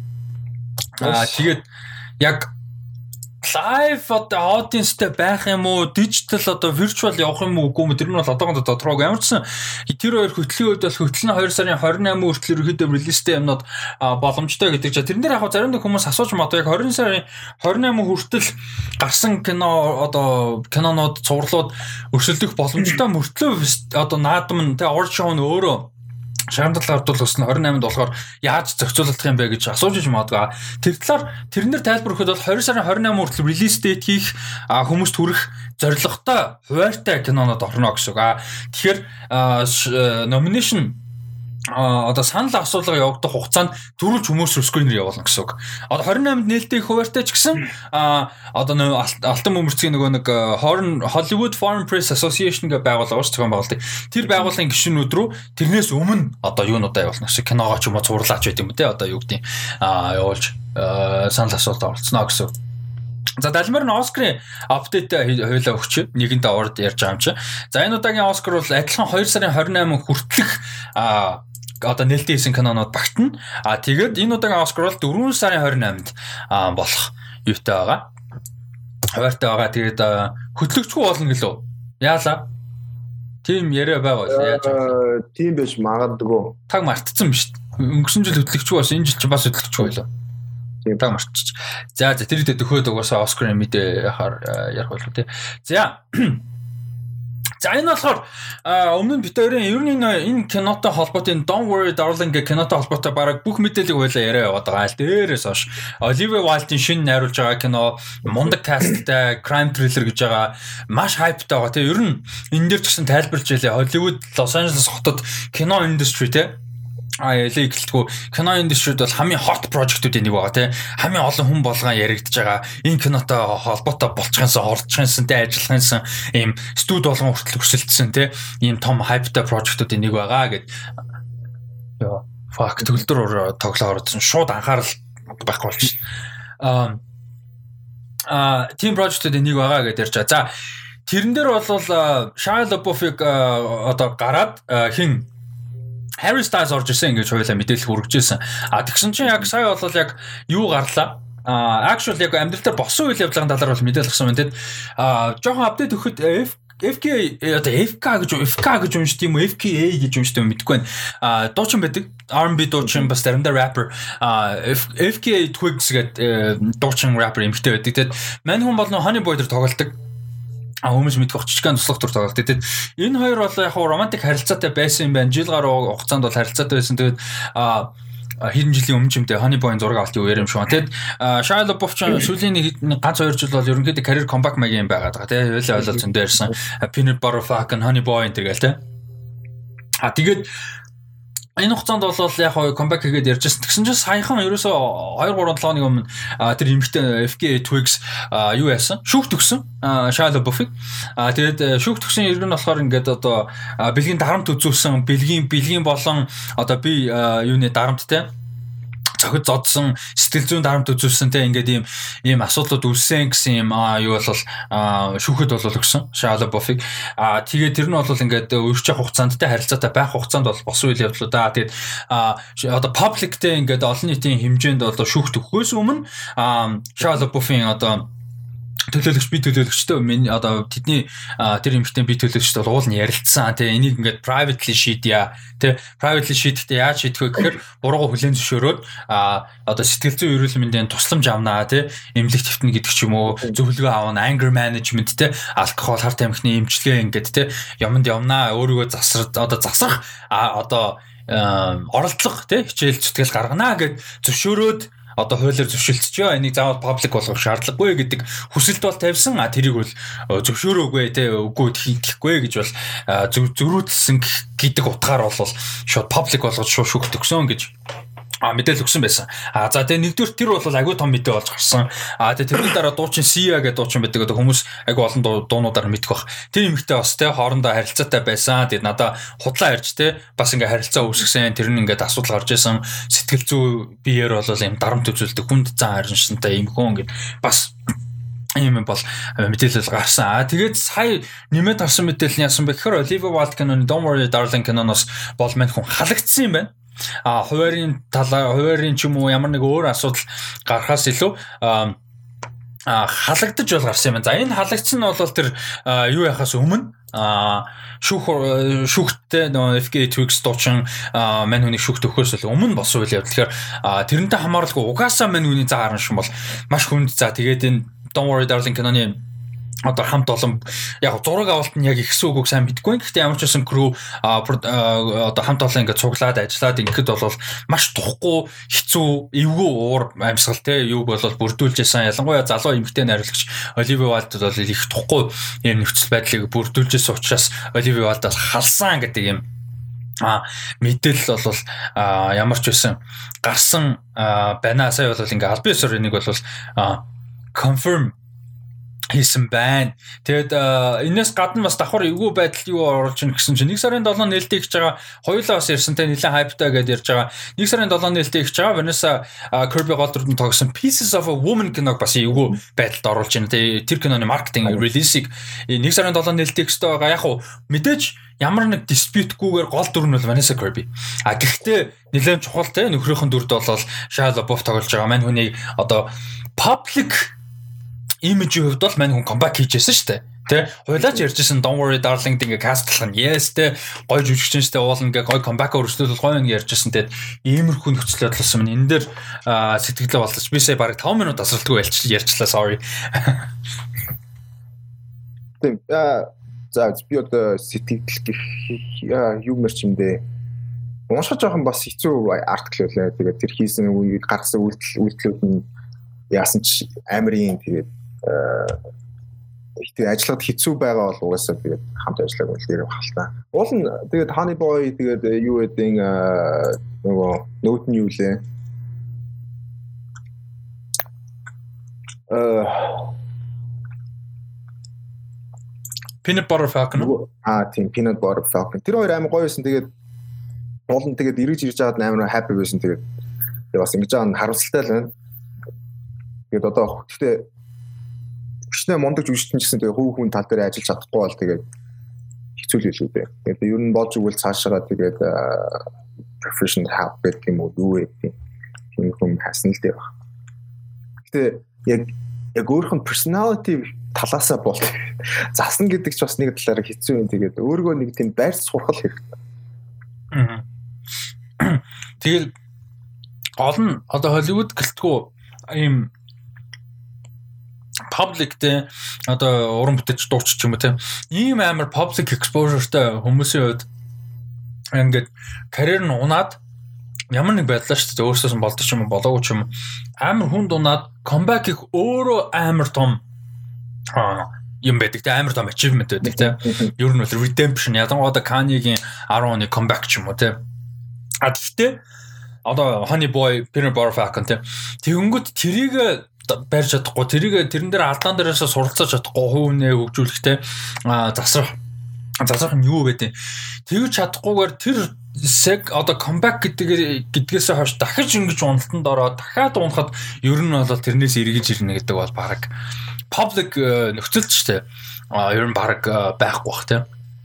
Харин тэгээд мэдгүй. Уулын шайлбов дуртай юм. Тэгээд personality хэцүү бол тэгээд одоо дуртай байхаас хэцүү болоод юу мэр чимдээ хэцүү хэцүү. За энэ бол тийм мэдээс гсэн. Тэгээ ер нь бол даткотоор аль болох а хурж байгаа мэдээлүүдэд follow up хийхийг зорддог. Follow up гэхээр яг уу гэхээр нэг киноны кастинг те янз бүрийн мэдээлэл гарсан ба тэр тэр projectтэй тэр уран бүтээлчтэй ч юм уу тэр нөхцөл байдалтай холбоотой шинэ мэдээллүүд цаашаа апдейтүүд юу болж чинь тэрийг аль болох тухайн үед нь яриад явах хичээдэг. Тэгээ тэрнтэй холбоотой учраас энийг бас нэмээд яриад яваад байгаа. За а сайхан 1925 онд Wonder Woman 1984 кино нээлттэй хийсэн. Пандемикийн дунд бол одоо цар тахлын үед бол Америкт хамгийн их орлого олсон кино болж нээлттэй хийж чадлаа 16.7 саяар. 16 саяар ийм том кино нээлттэй хийхэд одоо сайн гэж ярих авсан. Ийм л үед иржтэй. Тэгээд нэгдүгээр яг цар тахлын үед сайн нээлттэй хийлээ. Аа тэгээд тэрнтэй холбогдуулж бол шууд 3 дахь киноны хөгжүүлэлт бол яваад ихэлсэн Paris Jenkins найруулан Gal Gadot эргэж ирнэ гэдэг шууд confirm хийсэн байсан. За нэгдүгээр чиний хувьд Wonder Woman ямар байсан? Чи үзсэн үү? Үз. За Wonder Woman-ы сэтгэлээ хаваалцаач яг спойлергүйгээр А би бол үзээгүй байгаа. Ямар ч байсан сэтгэлдээ хуваалцаач. Тэгээ 3 дугаар анги гарна гэдэг чинь яг үндсэн ID нь ер нь бүр хоёр зарлагдахаас зарлагдсан л та. Гэхдээ зүгээр трейлер мэлэр юм гарахаас өмнө ярьжсэн шүү дээ. Trilogy болгоно гэсэн ID байгаа гэдэг. Тэгэхээр ямар ч байсан Paris Jenkins өөрийнхөө хүссэн trilogy-г бол хийж дуусгах нь байна. А тэр бол ямар ч байсан гоё хэрэг мэдээ. А тэгээ хоёрын хувьд ямар байсан талаар чи нэг сэтгэлдээ хуваалцаач. А хоёр миний хувьд бол ялцгүй урам хурлаа. Аа. Тийм. Тэгээд ер нь бол нэлээ муу болсон байлээ. Аа. Үзэхэд хэцүү байсан. Яг гэхдээ яг нөгөө counter argument байгаа юм л да. Тэгээд яг нэг superhero кино гэхлээр нөгөө expectation-ыг зүр тавьж сурах ч юм уу те. Зүгээр enjoy гэж ордог ч юм. Гэхдээ ягаад expectation өндөртэй байна вэ гэхлээр нэгдүгээр анги нь амар гоё ихгүй юу? Яг уу тэр төгсгөлийн fight scene муу л да. Мэдээж дайсны нөгөө God Ares Ares Mars гарч ирдэг жоохон. Тэрийг тооцсон бол гоё кино ихгүй юу? өгч байгаа мессеж нь байд юм уу юу гэдэг юм бүх юмд гоё. Тэгээд тийм киноны 2 дугаар англи нь явж орохдоо expectation өндөртэй орохгүй тэгээд өөр яах вэ? Тэгээд тэгээд ер нь бол сэтгэл бол үнэхээр хүрч чадаагүй тэгээд CGI маш муу байсан зохиолын хувьд бас амар муу байсан. Яг гэхээр эхний анги дээрээ гарсан storyline-уудыг дахиж нэг тийм recycle хийх гэдэг юм шиг санагдсан. Тэгээд ер нь яг хөө жүжигчдийн хувьд бол яг хөө мэдээж тэгээд нөгөө chemistry одоо хин хоёрын хоорондох chemistry бол гоё байсан. Мэдээж нөгөө хин гарч ирэх нь ойлгомжтой. Нөгөө Chris Pine дүр Trevor, Steve Trevor. Trevor, Steve Trevor гарч ирэх нь ойлгомжтой. Тэгээд Diana, Steve Trevor хоёрын chemistry гоё байсан. Тэгээд эсрэг дүрт нөгөө хин Pedro Pascal байгаа. Pedro Pascal бас гоё байсан. Миний хувьд бол яг хангалттай байсан. Гэхдээ тэр дүрийг яаж ашиглах ч юм уу. Одоо Kristen Wiig-ийн дүр байна. Маш муу. За юу байхгүй. Хөгжүүлэлт маш муутай. Тэгээд жоохон миний хамгийн том асуудлуудын нэг болохоор феминизм ч юм уу нэг юу гэдэг тиймхүү талаас юу байсан жоохон нөгөө on the nose тэгээ жоохон нөгөө нүүрэн тулгцсан тэгээд амар тийм тэрийг нь digest хийхэд амар хэцүү. Нэг тийм хэцүү феминизм байдаг шүү дээ. Нэг тийм феминизм мэдрэгдээд байгаа. Яг хөө тийм амар бол биш гэхдээ мэдрэгдээд байгаа. Тэгээд ер нь л нэг тийм хийсэн сонголтуудтай нь бол би бол гайхал байгаа. Ингээд санал бол нийлээгүй. Тэгээд тийм ер нь очондоо бол нэг тийм их үл. Яг хөө илүү дараа чамаг гисэн дараа илүү тодорхой яри нэг спойлертай ч юм. Тэгээд спойлер ч тийм мэдээж Wonder Woman 84 болон мэдээж энэ онд гарсан хамгийн том одоо блокбастер хамгийн том кинод нэг болохоор тэгээд хүмүүс амин хүлээлттэй байгаа. Тэгээд мэдээж тэгээд надад таалагдаагүй гэдээ enjoy хийхгүй гэж байгаа бол биш хүмүүс тэгээд мэдээж enjoy хийсэн хүмүүс байгаа. Тийм болохоор заавалчгүй үзээрэй. Таалагдах үг бол хэлж мэдэхгүй байна. Миний хувьд бол ялчгүй яг яг ганц үгийн багтайх юм бол үнэхээр disappointing үнэхээр сэтгэл бол хангахгүй. За за. Thanks. Саяных Datkогийн Wonder Woman 1984 сэтгэл байлаа. Тэгээд Би бол үзег тэр үед нь үдчихэд бас болов хуйлаа юу яа? Спойлер ярилцээ тий. Аа we'll see. Яг одоо шууд яг хийн гэж ярихаас илүү яг зүгээр аа we'll see гэдэг гэдэг орхи. Тий, we'll see. Тий. Аа үнэхээр надад ч сонирхол төрөхгүй хуйлаа тэгээд ярихгүй. Аа За дараа нь болохоор ерөнхийдөө мэдээлэл ингээд дуусчаа. За өнөөдөр хоёлаа тэгээ одоо үлдсэн ерөнхийдөө хугацаанд энэ оноо жоохон эргэж харъя гэж бодож байна. За энэ оны хайлайт Яа мэдээж салбарынхаа хувьд те entertainment кино урлаг телевиз гэсэн тавралдаа ерөөхдөө чиний хувьд хайлайтууд юу байв гэдгийг ярих гэж бодож байна. Миний хувьд бол ямар ч байсан юу байна. Өнөөдөр яг энэ оны хамгийн онцлог бүр яг favorite гэсэн телевизэн зурлуудынхаа тухайар лайв би хийн жиг жогтэр 28. Гэтэ подкастыг одоо үзэж байгаа сонсож байгаа хүмүүс аль хэдийн лайв дууссан гэсэн үг нөхөж үзэх боломжтой жиг жогтэр. А тэгээд 30-нд а киноны юу явна? Лайв явна. За тэрэн дээр бол яг 20 20 оны favorite кинонуудаа ярилцсантай бас лайв явах чинь гоё юм. Бүгдээр нь тэгээ ярилцаад явах боломжтой тий. Лайв үзэж байгаа хүмүүс маань хамт сэтгэлээ болж явах боломжтой. Ийм болно. Тэгээ бас постууд орно. А ийм байгаа илүү дэлгэрэнгүй орно. Гэхдээ өнөөдөр бас highlight юмнуудаа. Илүү жоохон industry талаас нь culture талаас нь сэтгэлээ бас ярилцъя гэж бодсон за даткогийн хувьд энэ оны яг За тэгээ энэ онд тэгээд э, хүлээжсэн кинонууд тэгээд ер нь би хийх нь байхгүй болсон дөө. Аа. Тэр тийм болохоор тэгээд э, хэцүү байсан. Гэхдээ мэдээж 2020 онд бол э, чамлахгүй мэдээж маш мундаг уран бүтээл гарсан. Тэгээд би хинхийг үзэж амжаагүй нь үнийг хэлэхэд тэгээд ер нь бол үзнэ гээд тавьсан байгаа камерад их байгаа. Тэгээд сүүл нөгөө Pixar-ын Soul гарсан. Soul надад амар таалагдсан. Тэгээд энэ онд гарсан хамгийн шилдэг анимашнууд үнийг гэж байна. Яг тэгэхээр шилдэг гэд хэлчихмээргүй. Яг тэгэхээр би нөгөө Wolf Wolf Walkers үзээгүй байхгүй юу? Тэгэхээр би ясаа сайн хэлж харьцуулж хэлж мэдэхгүй байна. Тэгээд Soul бол надад бол сэтгэл бол амар хүрсэн. Гэхдээ яг ганц асуудал нь гэх юм бол би яг тэрийг яг full feature animation байх шаардлага байсан үгүй юу гэдэг дээр бол би сайн эргэлзээ эргэлзээд байгаа. Яг тэгэхээр тэр бүтэн киног нэг 30 э, минутын дотор хийгээд хийгээд хангалттай яг юу илэрхийлэх гээд байгаа яг дөрүүд нь ямар учиртай тиймэрхүү ингээд гаргаад дуусч болох юм санагдаад байгаа байхгүй. Тэгээд над бол нэг тиймэрхүү байсан. Тэгээд сөөл бол миний энэ онуудын гэхдээ яг хайлайт нэг гэж би бол бодож байна. Тэгээд түрүүчэн 7 хоног би нөгөө бас Midnight Sky үзсэн. George Clooney-тэй. Тэр бол яг сансныг бодоход бас амар бол байгаагүй. Гэхдээ яг нэг үзчихэд бол хөөрхөн таалагдахаар кино байлаа бас хөөрхөн emotional weightтэй амар бодож байсан. Тэгээд өөр чинь одоо юу үзсэнгээ өөр яг одоо нэг том нэг тийм фестивалууд ч юм уу нэг бол одоо нэр дэвшиж одоо contender кинонууд ер нь бол хийх үзээгүй болохоор би яг хэлчихсэн мэдхгүй байна. Тэгээд өөр суперхиро кино гэх юм бол нэг Birds of Prey үзсэн юм байна. Аа. Тэгээд энэ он бас юу гэж магадгүй. Horror кинод ер нь нэг сүүлийн хэдэн жил ер нь сайжраад байгаа, сайжраад байгаа. Тэгээд Invisible Man амар гоё байсан. Аа. Тэгээд тэрийг дурдах хэрэгтэй horror movie гэх юм бол тэр бол highlight. Relic үзээгүй харамсалтай. Аа тэр чинь бас аимшиг кино. Тийм үү. Нөгөө нэг хөгийн кино шүү дээ. Тий, тий нөгөө трейлер нь хогийн. Тэрийг үзээгүй байгаа. Аа. Тэгээд энэ онд гарсан юу гэх юм бол сэтгэл түрээгүй кино гэх юм бол э, Мулан байна. Өөр юу вэ? Саяны тэр э, юу Wonder Woman байна. Tenet байна миний хувьд. Аа тийм Tenet байна. Гэтэ яг би бол жоохон анх гэтээ нөгөө үзэхэд гэтээ гоё кино байсан л да нөгөө eye catching нөгөө хийцэн гоё. Technical хийц амар л да. Тийм тийм. Тэнгүүд бас яг бас нэг тийм сайн тал байгаа болохоор окей. Тэр нөгөө Gentleman юу л энэ он гарсан гэлөө. Тэг Gentleman яг энэ онд зарим газар гарсан хүн зарим газар энэ өнгөрсөн өчигдөр гинэ. Өнгөрсөн он нээсэн. Тэгээд э, өөр ч н одоо гоё үзсэн юм уу. Тэгээд TV series гэх юм бол TV гэх юм бэ series гэх юм бол юу вэ? Queen's Gambit байна. Queen's Gambit бол ялчгүй хамгийн том миний хувьд бол хамгийн том highlight байх. Тэрэн дээр бол би бол нэг 10-аас 10 гэж хэлэхэд бол хэлж хэлж бол чадна гэж бодож байна. Тэгээд өөрчн өөр чи юу ч үтсэн дээ би ч одоо бүгд л хуучны хам зүгт үтсэн болохоор. Аа. Ам Миний яг яг ямар цувралууд, ямар кинонууд гэдгийг бол лайв дээр илүү дэлгэрэнгүй ярих гэж бодож байна. Яг бүр лист болгоо. Тэгээ лист пост ч гэсэн орно.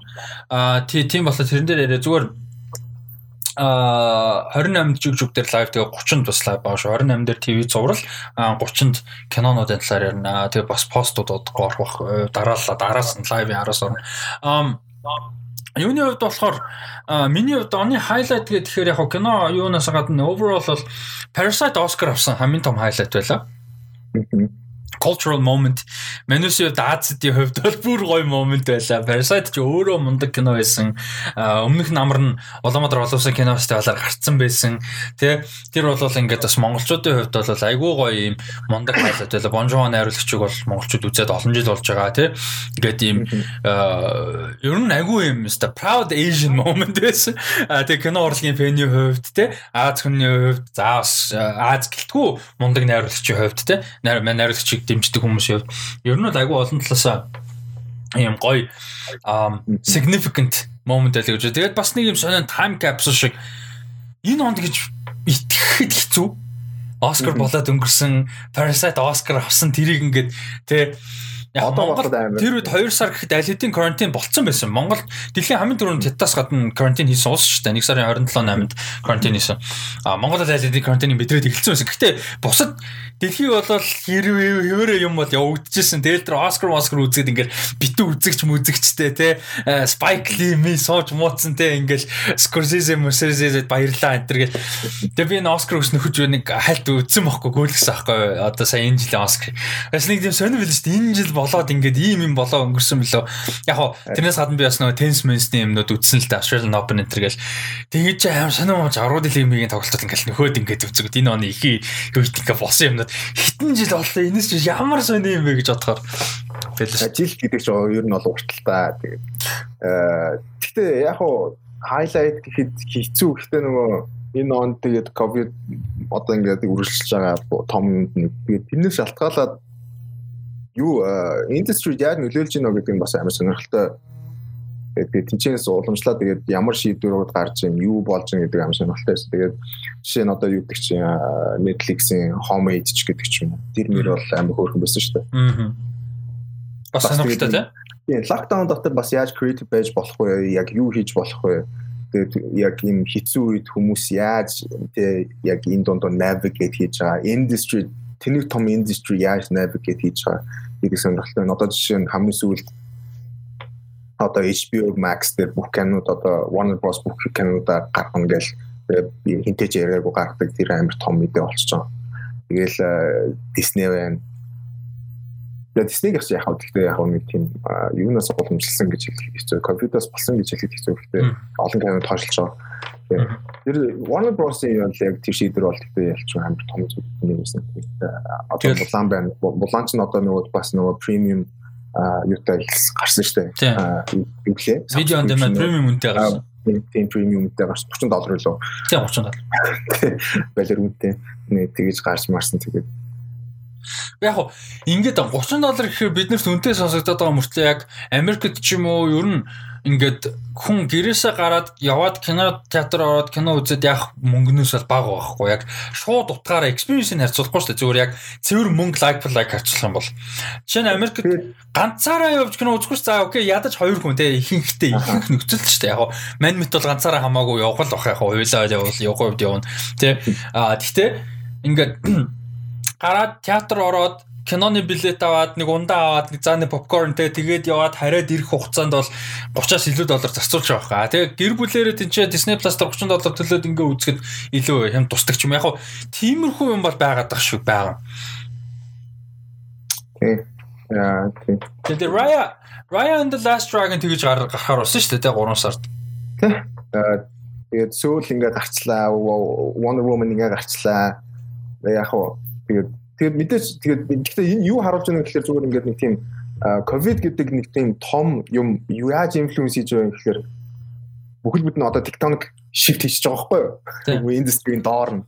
Одоо тэгээ энэний дараа тэгэнгүүт бүх юм өөр байна. Одоо ч тэгээд ковид эхэлж хахад хоёлаа яг энэ дуусахад дэлхий ямар өөр байх вэ гэдэг талаар амар ярьжсэн тэгээд ер нь бол эхнээсээ ингээл мэдэгдэл эхэлж штэ. Индустри одоо яаж өөрчлөгдөж байна. Юу стриминг гэдэг юм ямар том болж эхэлж байгаа гэдэг юм. 12 сарын 31-нд одоо ингээд шити 2020 он дуусахыг тэмдэглэх юм шиг мөртлөө давхар ковидын 1 жилийн бай юм шүү дээ. Тийм ковидын 1 жилийн бай. Тэгээд 2020 тэгээд ковид нь тэгээд мэдээж тэгээд жил хамаарахгүй үргэлжлэн тэгээд яг одоо вакцин аазуулж гарсан тэгээд Үгүй тэгээ вакцин гарсан ч хүмүүс ч вакцин тариулахгүй гэж агсчихлаа шүү дээ Европ Европ.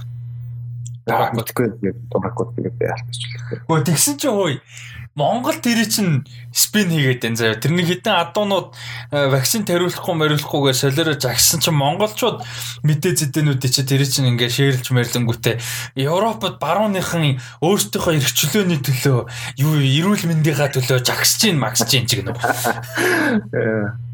мэдэрч мод. Тэгээ мэдгүй тэгээ заримдаа тэгээд би I'm all about freedom гэхдээ зүгээр ингээ нэг эндүр freedom бас байхлаар жоохон урууч юм шиг. The freedom биш зүгээр э, боловсрал байгаа байхгүй боловсрал мэдлэг тэгээд зүгээр basic uh, common sense тэ. Яа, хэцүү шүү. За А 20 оны үед манай би яг хүсэх юм байна. За 99 дэх дугаар дээр айгүй гой комментууд ягаад энэ оны хамгийн том бидний хувьд хайлайт бол 100 дэх дугаар байсан гэж бодож байна. Аа 99 дэх дугаар хоёлаа яг ямар ч тооцоолохгүйгээр сайхан дэлийсэн. Аа тэгээд 100 дахь дугаар бол би ахиж бол амьдралтаа сонсохгүй байна. Сонсоход бол аимшигтэй байлээ. Аа гэхдээ яг подкаст продюсер ч юм уу одоо подкастер хүний хувьд бол бас хайлайт гэж бодож байна. Тэгээ манай сонсогчтой ачаар тэр бол хайлайт шүү дээ. Аа тэгээ үнэхээр гоё байсан. Public funding босгож үзлээ. Тэр өдрийнхөө уух юм зөриөлж тэ тэр бас айгүй гоё санагдчихсэн. Тэгээд 100 дахь дугаар бол үнэхээр хайлайт байлаа. А 100 дугаар гэдэг майлстонд хүрсэн өөрөө сонирхолтой бас хайлайт байсан гэж бодож байна. А тэгээд кино цог бас ингээд хавар өвөлтэй үргэлжилж яваад дууссан. Намар уулн бол эхэлж хөстэй байсан бас чадсангүй. Одоо он гараад нэг сард эхлэнэ гэж найдаад л байж байна. Тэгээд яг 100% confirm хийж чадахгүй байгаа даа гэхдээ ямар ч үсэн ажиллана л явагдаад байгаа. Үзүрийн дараа ч гэсэн адилхан үзүрийн дараа кино цаг байлаа. А тэгээд хайлайтын үед бол тийм байна. Ревюуд хийж эхэллээ. Би бас энэ үжиний промотер видеонууд яваад байдаг таад бас манай удаа сонссон зарим мэдэх бах тэд нар ч бас эдийн засаг талаас зөндөө тус болдог тэр нь бас зөвхөн эдийн засаг талаас гадна видео voice over те script видеон дээр яаж ч тэр тал дээр хүртэл ингээд зөндөө experience болоо зөндөө одоо суралцсан юм бас зөндөө байна тэнчнээс аа тэгээд сонинд ярилцлага өгч үзлээ. Сайтад ярилцлага өгч үзлээ. Тэр эгүүрцэг юм дээр ярилцлага өгч үзсэн. Сонирхолтой ингээд энэ жил бас аа яг карьер ажил талаас карьер их хайшаа чи зүгээр ажлын талаар гэх юм уу талаас бол бас step up хийсэн юмнууд их байла. Сонирхолтой бас их байна.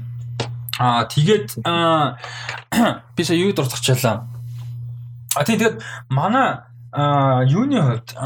Сонсогч үзэгчдийн хувьд ер нь хайлайт юу байв. За тэр нь Rusty Talks болон Rusty Media-тай холбоотой тийм бидний контентын хувьд Datco-гийн хувьд.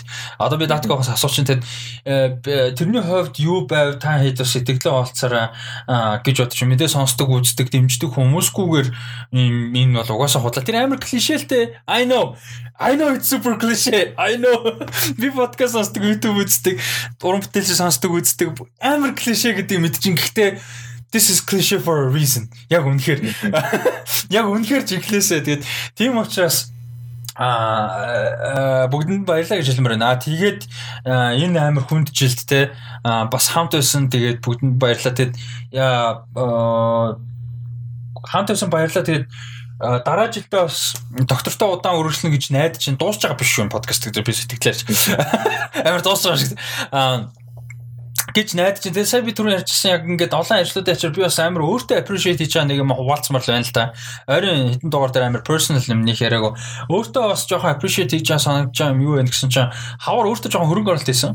Би А тэр нь юу байсан бэ гэхээр утас авлаа лизинг хэлтэй. Гэтэ утас авлаа. Тэгээд компьютер апдейт хийгээд тэг ингээд бас нэг жоохон ерөөхдөө өөртөө жоохон хөрөнгө оруулсан. Тэгээ манай сонсогчдоос энэ жил бүр айгуу гоё. Яг өнгөрсөн жилд муухай байсан да биш шүү. Энэ жил бүр амар хөөрх ингээд яагаад энэ жил гэж би хайлайт хийдэг гэхээр ингээд ийм амар глобал пандемик тийм зөвхөн Монгол нөлөөд байгаа биш шүү дээ. Дэлхийд даяар нөлөөлж байгаа ийм үед ингээд appreciate хийдэг, сонсдог шүү, дэмждэг шүү, баярлдаг шүү гэдэг ингээд одоо энэ чинь ингээд яг подкастыг рекорд хийгээ сууж энэ микрофон байж байна те тэн чи baby yoda байна. Хаа in in here somewhere here. А тэгээ эн чи ингээд A24 малгаа юу гэдэг ингээд айгүй олон юм байгаа. Те ингээд зөндөө юм байгаа штэ. Ингээд хүмүүс айгүй гоо сэтгэлдээ хуваалцаад ингээд бүр ингээд ажил болгоод хідэн твийн цаанаас те ингээд пандемик дондоор ингээд баярлтын шүү дэмждэн шүү гэд ингээд инхэд бол бүр ингээд амар гоо тэгэл одоо манай pop culture club дээр ирдэг хитман байна те. Тэрэн дээр ингээд уулзсан дээрэл итгэвтэй ирээл ярианд оролцоол дэмжээл а энэ бүхэн бүр энэ жил бол би яг подкаст сонсдог үздэг хүмүүс за тэгээ мэдээж үйл ажиллагаанд оролцдог контент нэвтрүүлгүүдийг үздэг хүмүүс донд бол би бүр амар appreciationтай болсон Ер нь бол яг мэдээж байсан. Гэхдээ энэ жил бол бүр ингээд экстра супер дупер appreciationтэй ямар ч байсан болсон. Тэгэл тэр 99 дэх дугаарын comment section-аас дан харахад ямар гоё байлаа те. Тэр мэдэгдэх бах аа гэж бодож байна. Тийм болохоор манай хэд бас энэ оны эцэст гой сэтгэлээ хуваалцар. Энэ он кино урлагийн хувьд entertainment-ийн ямар сэтгэлтэй байв, ямар highlight байна а юу гоё байв. За бас дээрэс нь бидний контент нэвтрүүлэг үйл ажиллагаанаа зүгээс ямар сэтгэлтэй байв. 21 онд юу хүлээж байна? 21 онд бид нар юу хийвэл гоё вэ те? Юун дээрээ бид нар дутагдaltaй ажиллаа. Би бас мэдчихэж байгаа 7 хоног болгон ревю хийнэ гэж чадахгүй байдаг ч юм уу. Топ 10 топ 5 гэ видео хийнэ гэж чадахгүй байгаа. А чадахгүй ч байх те. Өндөө залхуураалгаа те. Иймэрхүү юмнууд бол мэдчихэж байгаа те. Тэрнээс гадна сэтгэл юм байна. А opinion байвал хуваалцаад яваарай гэж чин сэтгэлээсээ хүсэж байна. За датгод микрофоныг шилжүүлье. Тийм тэгээд яг чиний хэлгээр 99 дэх дугаараа болон 100 дахь дугаар. За 100 дахь дугаар дээр ч би баг байсан юм уу дөө. Тэгээд 99-ийн комментэд бол яалч тэр бол тэр бол бүр хайр хайр. Тэгээд миний хувьд ч одоо чиний хэлсэн юмнуудыг сонсоод тэгэл хаа хаа гэсэн аргаар болчлоо. Тэгээд бүх үзэгчтэй баярлалаа гэж хэлмээр байна. Тэгээд мэдээж яг чиний хэлдэг клише I know but still та наргүй бол тэгээд одоо ийм хийгээ сухгүй байлгүй те ойлгомжтой тэгээд аа тэгээд нөгөө микрофон бол бүр амар гоё байсан. Тэр бол бүр амар сэтгэл мөрчиж байгаа хэрэг те. Австралиас явуулдаг баярлалсан баярлалтай шүү. Тэгээд тэгээд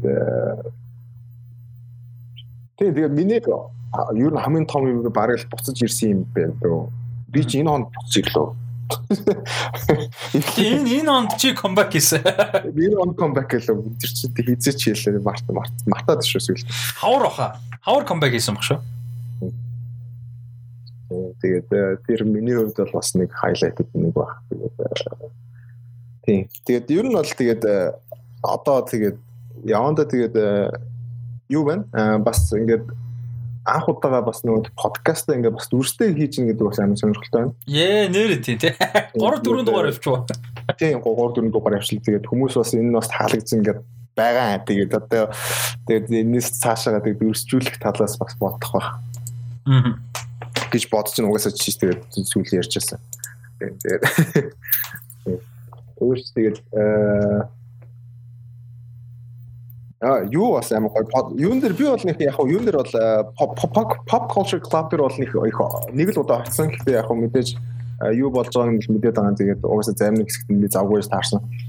Тэр бол амар гоёсэн. Тэгээд хүмүүс ирж байгаа нас амар гоёсэн. Хамт яриа суухад бас сонирхолтой. Тэгээд 9 9 жорын хүмүүс амар өөр өөрөөс ингэсэн опинionтэй гоё хүмүүс байлаа. Тэгээд яриа суухад бол амар фан. Тэгээд тийм хүмүүсийг юу нэгтгэж ийнэ гэхэл тэгэл кино нэгтгэж байгаа. Тэгээд тэр амар гоё байсан. Тэгээд спортоос яриа суухад бас гоё хүмүүс байлээ. Тий. Ливерпулийн бом фэнүүд тэгэл Lakers-ийн фэн тэргээл явж исэн. Тэгээд тэр бол амар сонирхолтой гоё байсан хэлчих шүү. Тэгээд 2000 2021 оноос эхлээд тэгээд бүх юм жигдрээд гоё болоод эхэлчих юм гэж найдаж байна. Тэгээд yeah, I'm looking forward to 2021. Yeah, let's let's just skip skipтэй skip 2000-аар. Аа тэг мэдээж personal талаас гоё юм зөндөөл. А тэг миний бас дурдмаар байгаа энэ оны энэ яг тэг салбартайгаа холбоотой хоёр юм байна л да. Нэг нь Cinema Next те Улаанбаатар хотын зүүн чиглэл бас айгүй гоо шин театр нээлттэй хийлээ. Яг хуу харамсалтай энэ онд бас хүссэн хэмжээндээ ажиллаж чадаагүй бах. Шинээр нээсэн жилдээ те бас хангалттай ажиллаж чадаагүй харамстай наа. Гэхдээ 21 онд юм гайгүй болоод ингээд юм кино театрт нээлттэй нээгээд ажиллаад ирэхээр хатын зүүн чиглэлийг бол өстой базаад гоё явах гэж найдаж чинь цаашаа зүүн тийшээ бас prime салбар нэнэ гэдэг чийсэн тэгээд тэр бол нэг том хайлайт. А нөгөөх нь бол жил болгон мэдээж болдог. Тэгээ энэ жил бас айгүй мундаг болсон гэж бодож байгаа кино сонголтууд мундаг байсан гэж бодож байгаа. Улаанбаатар олон улсын кино фестивал байна Үнэхээр гоё боллоо. Миний энэ оны бас хамгийн favorite кинонуудад бол Улаанбаатар улсын кино фестивалаар гарсан хит хитэн кино бол байгаа. А хөхөө бол амар том хайлайт гоё байла. Тэгээд хүмүүст бас баярлаа гэдэгчсэн. Тэд нар дунд Дилэнд баярлаа гэж хэлмээр байна. А надаа энэ Beasts of the Southern Wild гэж миний all time favorite бас кинонд нэг 12 онд гарсан Oscar нэр Best Picture нэр дэвшижсэн киноны Blu-ray-г бэлгэлсэн. Дилэнд баярлалаа. А их гоё бэлэг байсан. Тийм. Тэгээд нэр хөлбөмбөг тайлбарч гисэн which is interesting. Um хитэн тайлбар чи би ч 5 тайлбар нийлээ хийгээд амжичлаа. Хоёрыг нь хамт хийсэн. Нэг нь анхаатай, нэгийг нь одготой хамт хийсэн. Тэгээ гурван тайлбар би даажсан. Одоо 12 сарын 30-ны шөнө 31-ний үүрээр юм да. Бүр 4 мөрөөс 4:30-аас ч үлээ.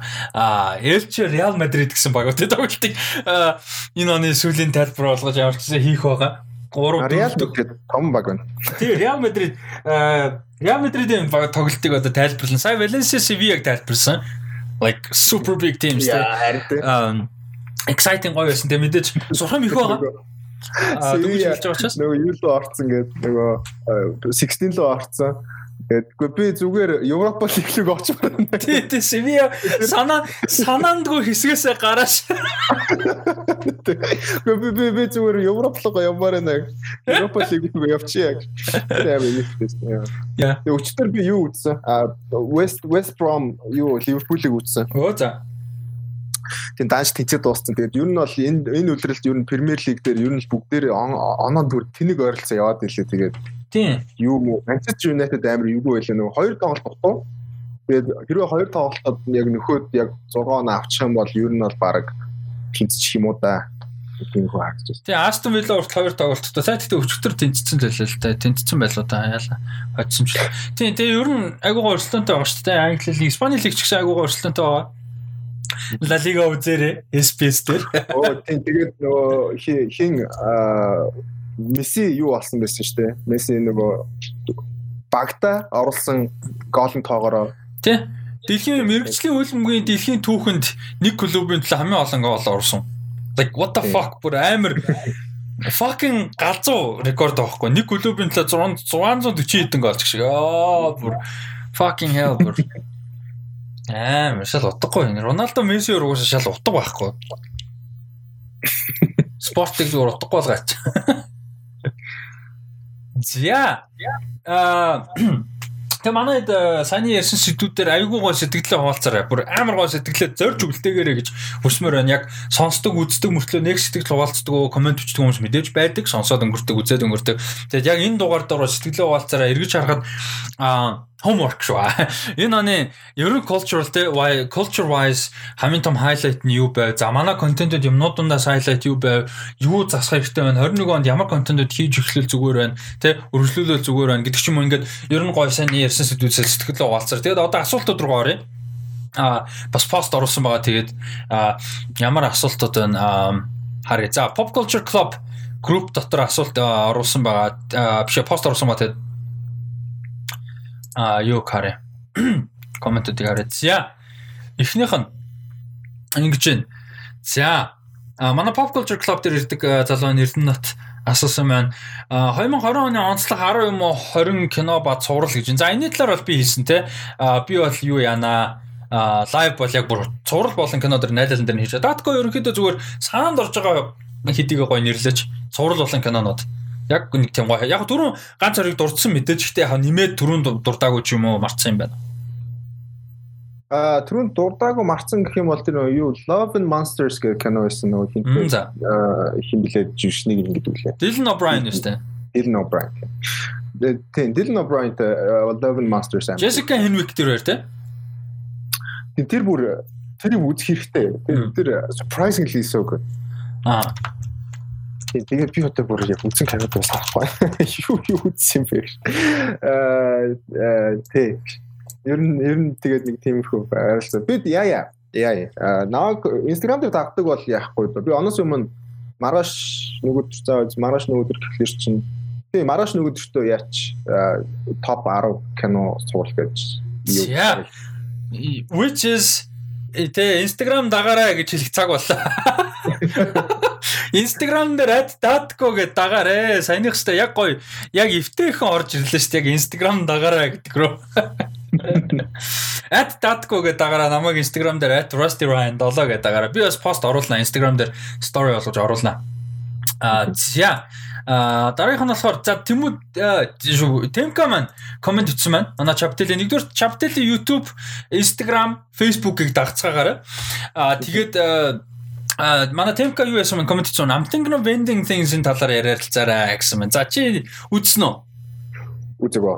Гэхдээ гэхдээ би яг өнөөдөр үзнэ гэж төлөвлөсөн байгаа кино. Окей. Ер нь бол нэг нэг одоо нэг энийг дуусгаад нэг аа эн чинь дараа колтой тий. Тэрийг дуусгаад кино үзэх. Биш. Хоёулаа юм I'm thinking of ending things дээр ярилцвал яаж вэ? Тэгэл та. Окей. Чи үзсэн тий? Би үзсэн. Тэр бүр ингэж аа гэмэр хэл захтаад байгаа байхгүй. Аха. Ямар ч байсан би нэг юм хэлчихээ заяа. Ямар ч спойлергүй. I'm thinking of ending things миний энэ жилийн best of year list-д бол орно. Ямар ч байсан. Окей. Окей. А гэтээ би илүү яаж ямар агуулга утга юу ч ярихгүй зүгээр ямар ч байсан. Тэгээ хоёулаа чамааг үзсний дараа ямар ч байсан ярилцээ. Гэтээ тэр нь контент болох уугүй мэдэхгүй байна. Гэтээ би даткод бол явцсан ярмаар байна. Тэрийг болж үгүй юу болохыг бодъё. За. А а за дараагийнх нь болохоор Marines Black Bottom-ыг Black Bottom-ын төгсгөлийн хэсэг дээр гинэ. За спойлер бол яриад явах төгсгөлийн бас ингэ яриад явах. Гэхдээ юун дээр гарсан Netflix дээр гарсан Chadwick Boseman-ы сүүлийн кино тий. Аа тэгээд э, Viola Davis бас тоглосон Ma Rainey's Black Bottom бол э, чи үзчихсэн үү? Үнэхээр галзуу кино байлээ. Надад маш их таалагдсан. Гэтэ энэ best of year list мэд орох уу сайн мэдгүй гэхдээ ямар ч маш их таалагдсан. Үнэхээр мундаг. Тэгэд тэр дундаа хиний перформанс нас орцсон болохоор доо ч биш яг тэгж ярихад байгаа юу гэж юм бод. Гэтэ Чадвар бус үнэхээр мундаг байлаа. Бүр айгүй харамсмаар бүр ингээд fuck амьд байсан бол бид нар ингээд хүмүүс үзэгчд нь тэр перформанс ямар амар appreciate хийж байгааг өөрөө харсан ч болоос гимээр юм мундаг перформанс байсан. Аа зя. За 2021 онд кино салбарын ерөнхий зураглал ямар байх талаар өөрсдийн бодол таамгийг хуваалцаарай гэж. За энэ бас сонирхолтой асуулт байна. Ерөнхийдөө өнөөдөр ярих гэж бодсон 21 он Ер нь яаж shape гэж бодож чинь highlight юу байх уу? Ямар юутай байна? Энийг predict хийгээч. Тий. Бид нэр одоохондоо яг яаж хийж магадгүй анзаарахгүй ч магадгүй гэхдээ яг schedule яах бол гэдэг жоох асуудалтай. Санагдаад байгаа нь миний хувьд одоо тийм энэ 20 онд гарах байсан блокбастер чинь шахагдсан. Тэгээ яг 20 он 1 онд гарахуд нь бас яах юм тэрний яг хуваарлж юу болох гэдэг зүгээр наа. Миний хувьд бол яг 2021 он бол нэг тийм галзуу жил болох байх. Тэгээд э, үзье гэж бодож исэн одоо Том Дүүн э, юу вэ Eternals Eternals юу лээ? Тийм Eternals шүү дээ. Eternals байгаа. No time to die fast and furious тийм бүгдээрээ тэгээд хойшлцсан тэгээд энэ ч гарна гэж байна. Тэгээд мэдээж ковид хэр бас удаан үргэлжлэхгүй нь бас тодорхойгүй яг 21 он дуусна гэсэн баталгаа бол байхгүй. Тэгэхээр бас яг юу болох гээд байгаа гэдэг нь амар сонирхолтой байна. Тэгээд тийм. Миний бод бол бүр амар тийм chaotic тэгээд нэг галзуу жил болох байх гэж байна. Тэгээд юу 20 оныг бодох юм бол илүү blockbuster кино илүү үзэх байх тэгж найз чинь найз чинь чигтэй баг ихэл байлгүй дээ. Тэр нөгөө хин миний тэр нөгөө хинтээ Emily Blunt хинтээ Rock-та бас нэг Disney кино байсан шүү дээ. Jungle Cruise. Jungle Cruise мөс гэл тиймэрхүү бас кинод бас байгаа. Нэг тийм adventure кинод бас үзүүлэх гоё л байна. Аха. Аа тийм Dune нь бол амар хайптай байсан. Тэгээд энэ жил бас аа ковид юу яахгүй болвол одоо энэ вакцин зэгсийн нэтэргээ жоон гайгүй болохгүй бол тэр чигээр шүү дээ продакшнд хойшлох те продакшн явж чадахгүй байхаар чи хамгийн гол нь юу юм штэ а гарах кинонууд нь багасаад байна гарах цувралууд нь багасаад байна. Аа тэгэхээр тэрэн дээр бас асуудал өргөжлөх магадaltaй болно гэсэн. Тэгэхээр hopefully бас ер нь оны ихний хагастай гайгүй болчоосоо гэж бас найдаж байна. Ер нь бол. Танд Тэгэхгүй бол бас эхний хагастай гайгүй болчихсон гэж бодож штэ. Тийм, оны эхний хагастай гайгүй болоод кинонууд нь бас хийгдээд прожектууд явах юм боломжтой болосоо гэж найдаж байна да. Ямар ч байсан. Аа тэгээд аа за дараагийн асуулт. Миний хувьд бол 21 он яг тийм ерөнхийдөө стриминг яалтчгүй илүү хүчтэй орж ирэх нь байна. Disney Plus дээр шоу Marvel шоунууд, Star Wars шоунууд маш их зарлагдлаа. Кинонууд мэдээж яванда одоо сайн ингээд суул орлоо. Тэгээ onward өмнө нь орж исэн тэгээ ингээд ер нь бол кинонууд ороо явах бах.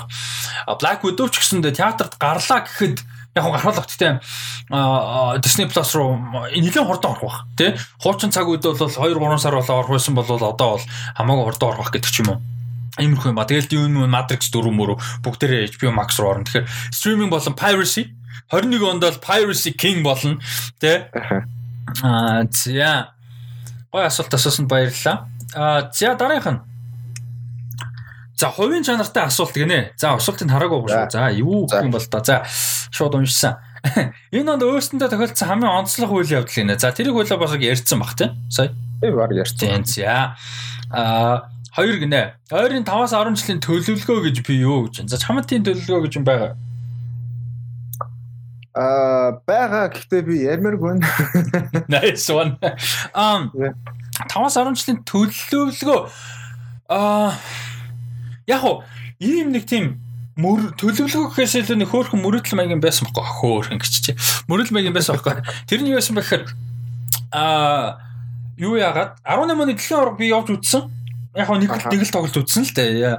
Гэхдээ яг тэр тоглолт дэлхийн аваргын үеэр орж яваад Москвагаар явсан, Нижний Новгород явсан те. Тэр experience бол ингээд experience of a lifetime байсан те. А тэгээ 20 оны Токио Олимп яг явж чадахгүй мэдчихлээсэн л дээ. Ийм юм болсон болоогүй. Ковид болсон болоогүй мэдчихсэн. Гэхдээ би 20 онд аврагын лигийн финал үзэх санаатай байсан. Энэ оны 6 сарын 1-нд уулна.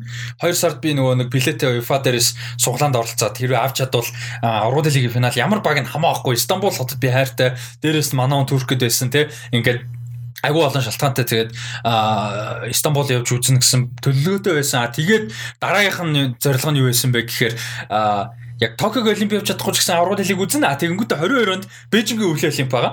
Тэгэнгүүт Бээжингийн өвлийн Олимп явж үзье а тий гэсэн ийм одоо зорилготой ч юм уу мөрөдөлтэй бол байсан. Тэгээд Энэ оны Олимп аргууд лигийн юу нэ айлал нь хойшсон. Яг аргууд лиг Португалд болсон л та гэхдээ өөр нөхцөлтэй болцсон. Тэгээд аа яг Токио Олимп бол 21 онд болно гэж бодож байгаа. Гэхдээ 21 онд явж чадахгүй нь бол ингээ бараг тодорхой. Эдийн засаг талаасаа ч тэр тэг ковид мовид энэдрэг асуудал ч их байна. Логистик талаасаа. Аа тэгэхээр хэцүү бах. Аа яг би зүгээр тэрэн дээрээс яагаад тэгэж бодсон бэ гэхээр биднэрт монголчуудын түүхэнд байгаагүй ирээдүйд probably байхгүй амар том давуу тал давуу талууд гарсан байхгүй юу? Ерөөс 4 жилийн хугацаанд. Яасан бэхээр хойд хөрш Оросд хөлбөмбөгийн дэлхийн аваар болчихаа. Тэгээ fucking дэлхийн а тэгвэл 20 онд бүхэл бүтэн зуны олимп яг коронавирус болсон гэхдээ 20 онд Токиогийн Токиод тэгээ Монголтай айгүй ойрхон монголчуудтай ойрхон Токиод зуны олимп. Тэнгүүтээ аврагуудын лигийн финал нь Стамбул. Түүх рүү монголчууд визгүй тий шууд билет аваад явчих боломжтой хямдхан шүү дээ түрх. Тэгээд 22 онд Бээжинд өвлөө олимп. Like монголчуудын үед бол мөнгө мөнгөтэй байж чадах юм бол бүр ингээд fucking мөрөөдлийн 4 жил байгаа байхгүй. Тэр бол үнэхээр амар тий Тэгээ тэр бол миний хувьд бүр ингээд амар баяртай юмнууд нэг. Дэлхийн авраг авч чадсанд амар баярлж байсан. Аврагын лигийн явна гэж бодсон чадаагүй. Тэгээ уул нь Стамбул болох хിവэрэ байгаа одоо 21 оны Аврал лигийн финал бас гэхдээ бас хэцүү. Одоо 21 оны 5 6 5 сар 5 сарын сүүлээр Истанбул явж чадахгүй юу гэдэг бол бас тий 20 оноос бол хамаагүй өөр нөхцөл байдал үүсэж байгаа учраас хэцүү бараг чадахгүй бах. Токио Олимп Аврал лигийн финал хоёр хуйлаа үзнэ гэдэг. А харин зорилгын хувьд бол 22 оны Бээжинг Олимп, Өвлийн Олимп. А тэр бол бүр ингээд амар том ийм зорилготой нэг байгаа. Бүр заавал зорж тэр үстэй жигнэс коронавирус вирус ч юм одоо юу гэдэг дахиад нэг амар юм болчихгүй л зорж үзэн яаж байгаа. Тэгээд бас нэг а цаашаа би дандаа спорттой юм яриад байна л да. Гэхдээ нэгэн спорт ярьсан дээр а 26 онд юу болно? а юуны олимп а өвлийн олимп Милан хотод болохоор болсон байгаа. Италийн. Тэгээд юу болол Милан хотод бас очих юутай боломжтой байгаад байгаа Тэгээд 20 26 оны Өвлийн Олимпик бол яах боломжтой гэж бодоод байгаа. А тэгээ 26 оны хөлбөмбөгийн дэлхийн аварга. Америк, Канада, Мексик гэсэн орнуудад хамтран зохион байгуулалт гаргасан. 26 оны хөлбөмбөгийн дэлхийн аварга. Тэр бас сонирхолтой. Ер нь бол Америк явах амар тийм юу гэсэн үг. Инсентив үүд нэг гэсэн үг. А тэр спорт талаас бол тиймэрхүү байна. Яг уу яг хувийн юм гэх юм бол даадгүйтэй адилхан мэдээж яг хувьдаа бодсон юм бол мэдээж байж байгаа. Яг хэрэгжүүлж чадахгүй, бүтэх бүтгүй бол мэдхгүй. Тэгээд энэ жил бол хүн төрлөختнөөрөө хөдөлөө одоо хідүүлээ юу? 7 тэр бүмөний хідүүлээ гэж ярьдаг те. Хүн төрлөختнөөрөө ухаарлаа штэ. Бүх юм төлөлснөөр ингээд шууд болох боломжгүй те. Ингээд юу л бол болж болт тэгэхээр хэцүү. Гэхдээ мэдээж бодсон юм байна, зорьсон юм бол хувийн юм бол байна. А яг уу спорт талаас бол тиймэрхүү. Би тэрийг ярих нь илүү жоохон exciting байгаа учраас тэрийг ярьчлаа. А тэгэд нэр дараа 100 евро авах штэ. Which is also nice. Um за А за дараагийнх нь болохоор унших дуртай блогер эсвэл сонирхол сонирхолтой артикл нийтэлдэг сайт байвал хуваалцаач ээ. Guardian, IndieWire, New York Times-аас өөр гэж байна.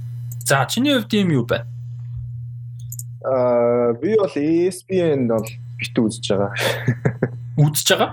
Аха. YouTube дээр. Яг хөө тэгэхээр тэр чинь нөгөө тийм хэсэг хэсэг ирлээд л та. Гэхдээ үзээд мэдээлэл нөгөө тэгэхээр NBA-тэй мэдээлэл авахд гоё бэдин. Аха. Өөрчлөлт юу юм те Евроспорт билүү? Тий. Тийм тэр тэрийг бас юм юмнууд уншд юм аа. Аа. Тэгээд юу байна? Энийг бас надад бас нэг юм аппликейшн байдаг. Ямар stack үлээ те.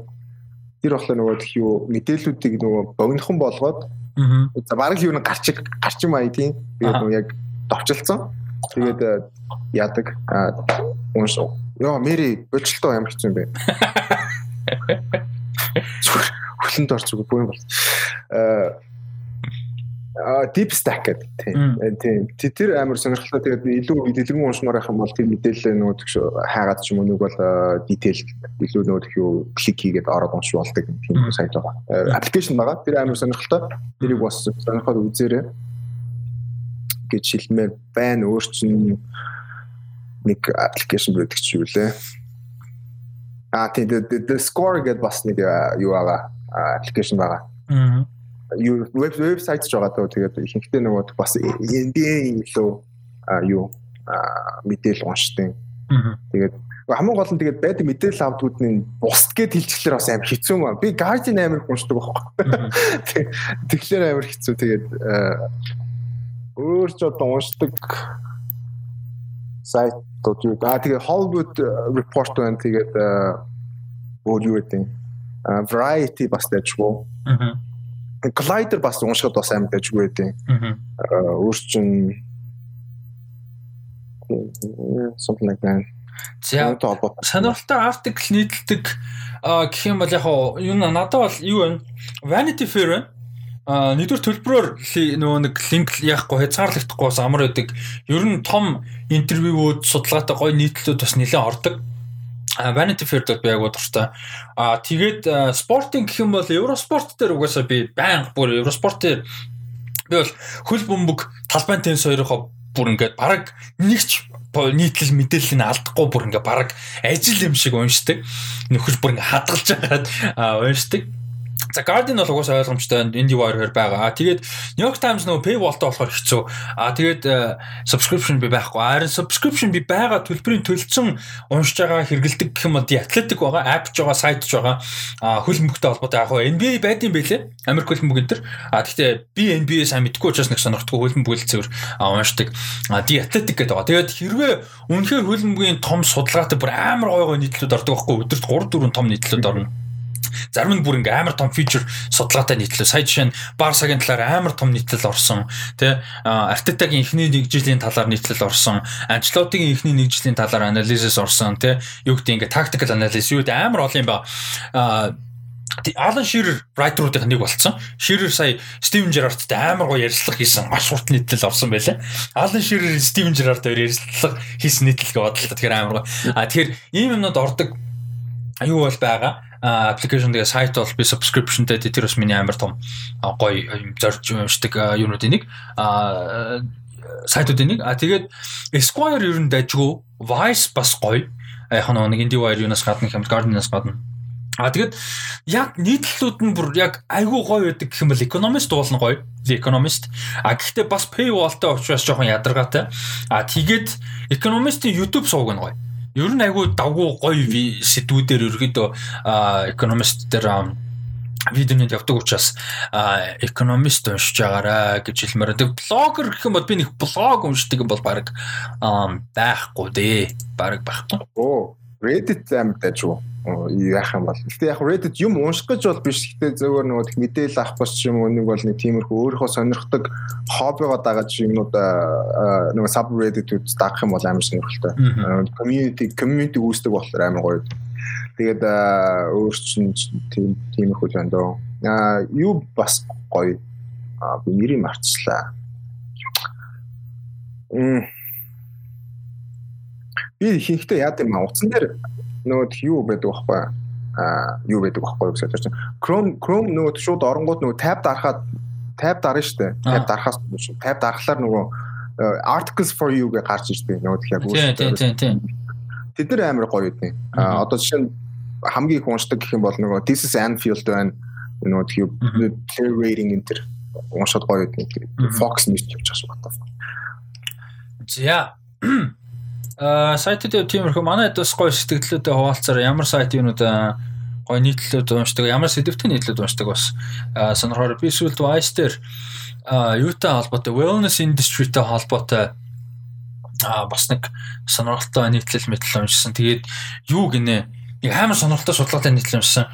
Нөгөө нэг Instagram influencer багийнууд донд нэг ийм тренди юм байна гинэ. Ийм ус уух ийм амар health баг нэр заяа йога мога хийдэг те одоо health promote хийдэг инфлюенсерүүд юм аа л да. Тэгсэн чинь тэрнэр донд ийм хүмүүс гарч иж байна. Усуудгүй усуухгүй байхыг одоо promote хийдэг team инфлюенсерүүд гараад ирсэн гинэ.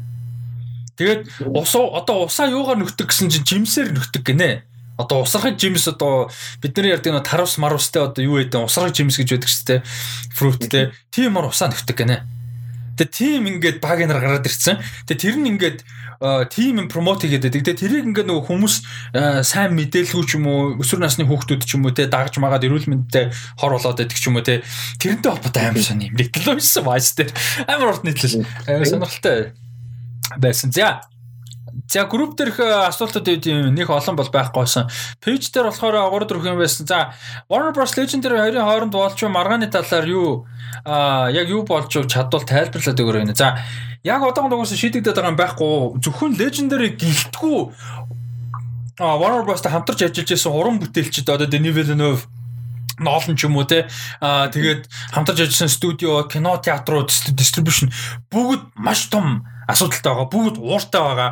Аа одоо Legendary-гаас эхлүүлээд co-production хийсэн, мөнгөө гаргасан, одоо юу гэдэг хамтарч ажилласан те хөрөнгө оруулалт орсон энэ тэр тэгээд найруулагч уран бүтээлчд бол бүгдээрээ одоо Warner Bros эсрэг байгаа. Том компаниуд бол бүр одоо шүүгт өгнө гэж хүртэл яригдчихэж байгаа те. Тэгэхээр энийг бол эцсийн үзэх бол мөдгүү а юу болох нь гэдэг өстой жинхэнэ Datkog-ийн Datkog quote хийхэд we'll see. We'll see. Харж л бай гэж байна. Тий, харж л бай. За 20 оны онцлог бүтээлээ тэрийг ерөнхийдөө ярьцсан.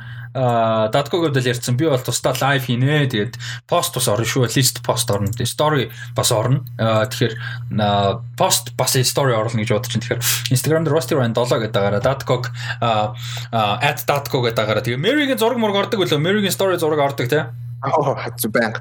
За за Mary хармаар байлаас @datco гэд аа Нэг залхуу ёо би бүрсвэлтэй ядарчлаа. Аа. За үлэн доор хөвччихэд босгоо. За кино цог season 2 хийх болов гэж байна. За хийх хийх гээд л яваад л одоо байна да. Уулны хэмээр л. За За тэгээд дандаа кино цогтой холбоотой 2 3 асуулт явж байна да. За иймэрхүү байна а юуны хувьд бол асуултуудын хувьд бол иймэрхүү байна. Юуны маань Rusted Socks podcast-ийн маань 107 дахь дугаар э, ерөнхийдөө энэ хүрээд юу яаж байна өндөрлж байна. Тэгээд сэтгэлээ хуваалццаагаараа дадго дутуу үлдээсэн юм юу байна? Ярих сэдвүүдээс марцсан сансан зүйл байна уу? Оны сүүлийн подкаст тийм. Оны сүүлийн подкаст. За за за. Датко шууд peace out хийж чинь. Тэгээд а Юу яа? А энэ үргээ дуусгая гэж бодож University Talks podcast-ийн 107 дахь дугаар байлаа. 2020 оны сүүлчийн дугаар 21 онд 52 дугаар гаргах болтугай. 21 оны сүүлийн дугаар 159 дахь дугаар байх болтугай. Яаж иж байгаа л алгасчаад байдаг. Гэтэ алгасахгүй байхыг хичээдэг. Бас хэцүү. Тэгээд яаж иж байгаа л алгасчаад байдаг. Тэгээд 21 онд 52 дугаар гарах болтугай гэж одоо өстой зориг болгоо тавьчих. А тэгээд та хэд маань сэтгэлээ болцоор өнөөдрийн сэдвүүд YouTube дээр бүгдээрээ сэтгэлтэй хуваалцаараа аудио вершноор сонсож байгаа хүмүүс YouTube дээр орж ирээ гоё комент бичээрэй те. Instagram дээр дагаараа манай Chaptel-ийг бас дагаараа Temka-гийн контент пост юмнууд сторинууд гоё байдсан шүү. Тэгээд бас дагаараа тэгээд юу яа удахгүй а за өнөөдөр одоо яг үзэж байгаа хүмүүс подкаст сонсож байгаа үзэж байгаа хүмүүсийн хувьд бол өнгөрцөн байх. Гэхдээ 28-ны орой А энэ оны favorite TV show-нуудын маань live орхон байна. 29-нд пост нь орно. 30-нд юу яах нь шүү. А 20 оны favorite кинонуудын лист тэрний талаар ярилцах лайв маань явах нь жиг жиг дээр 30-нд а тэгээ 31-нд кинонуудын лист маань бас орноо. Тэгээд Dadko дээр юуны талаар Amtengron Bending Things-ийн талаар юу хийн гэж найдаж байна. We'll see А тэгээд би бас юуны талаар Wolf Walkers-ийн бас талаар ярьж review хийя гэж бодож байгаа. Тэрийг бас ярина гэж найдаж байна. Тэгээд юу яа? А 90 ондоо уулзцай I know it's a cliche stupid thing to say but you know 21 оны эхний дугаараар буюу 108 дахь дугаараараа уулзцай тэгээд тэр хүртэл баяртай. жилийн дараа уулзъя.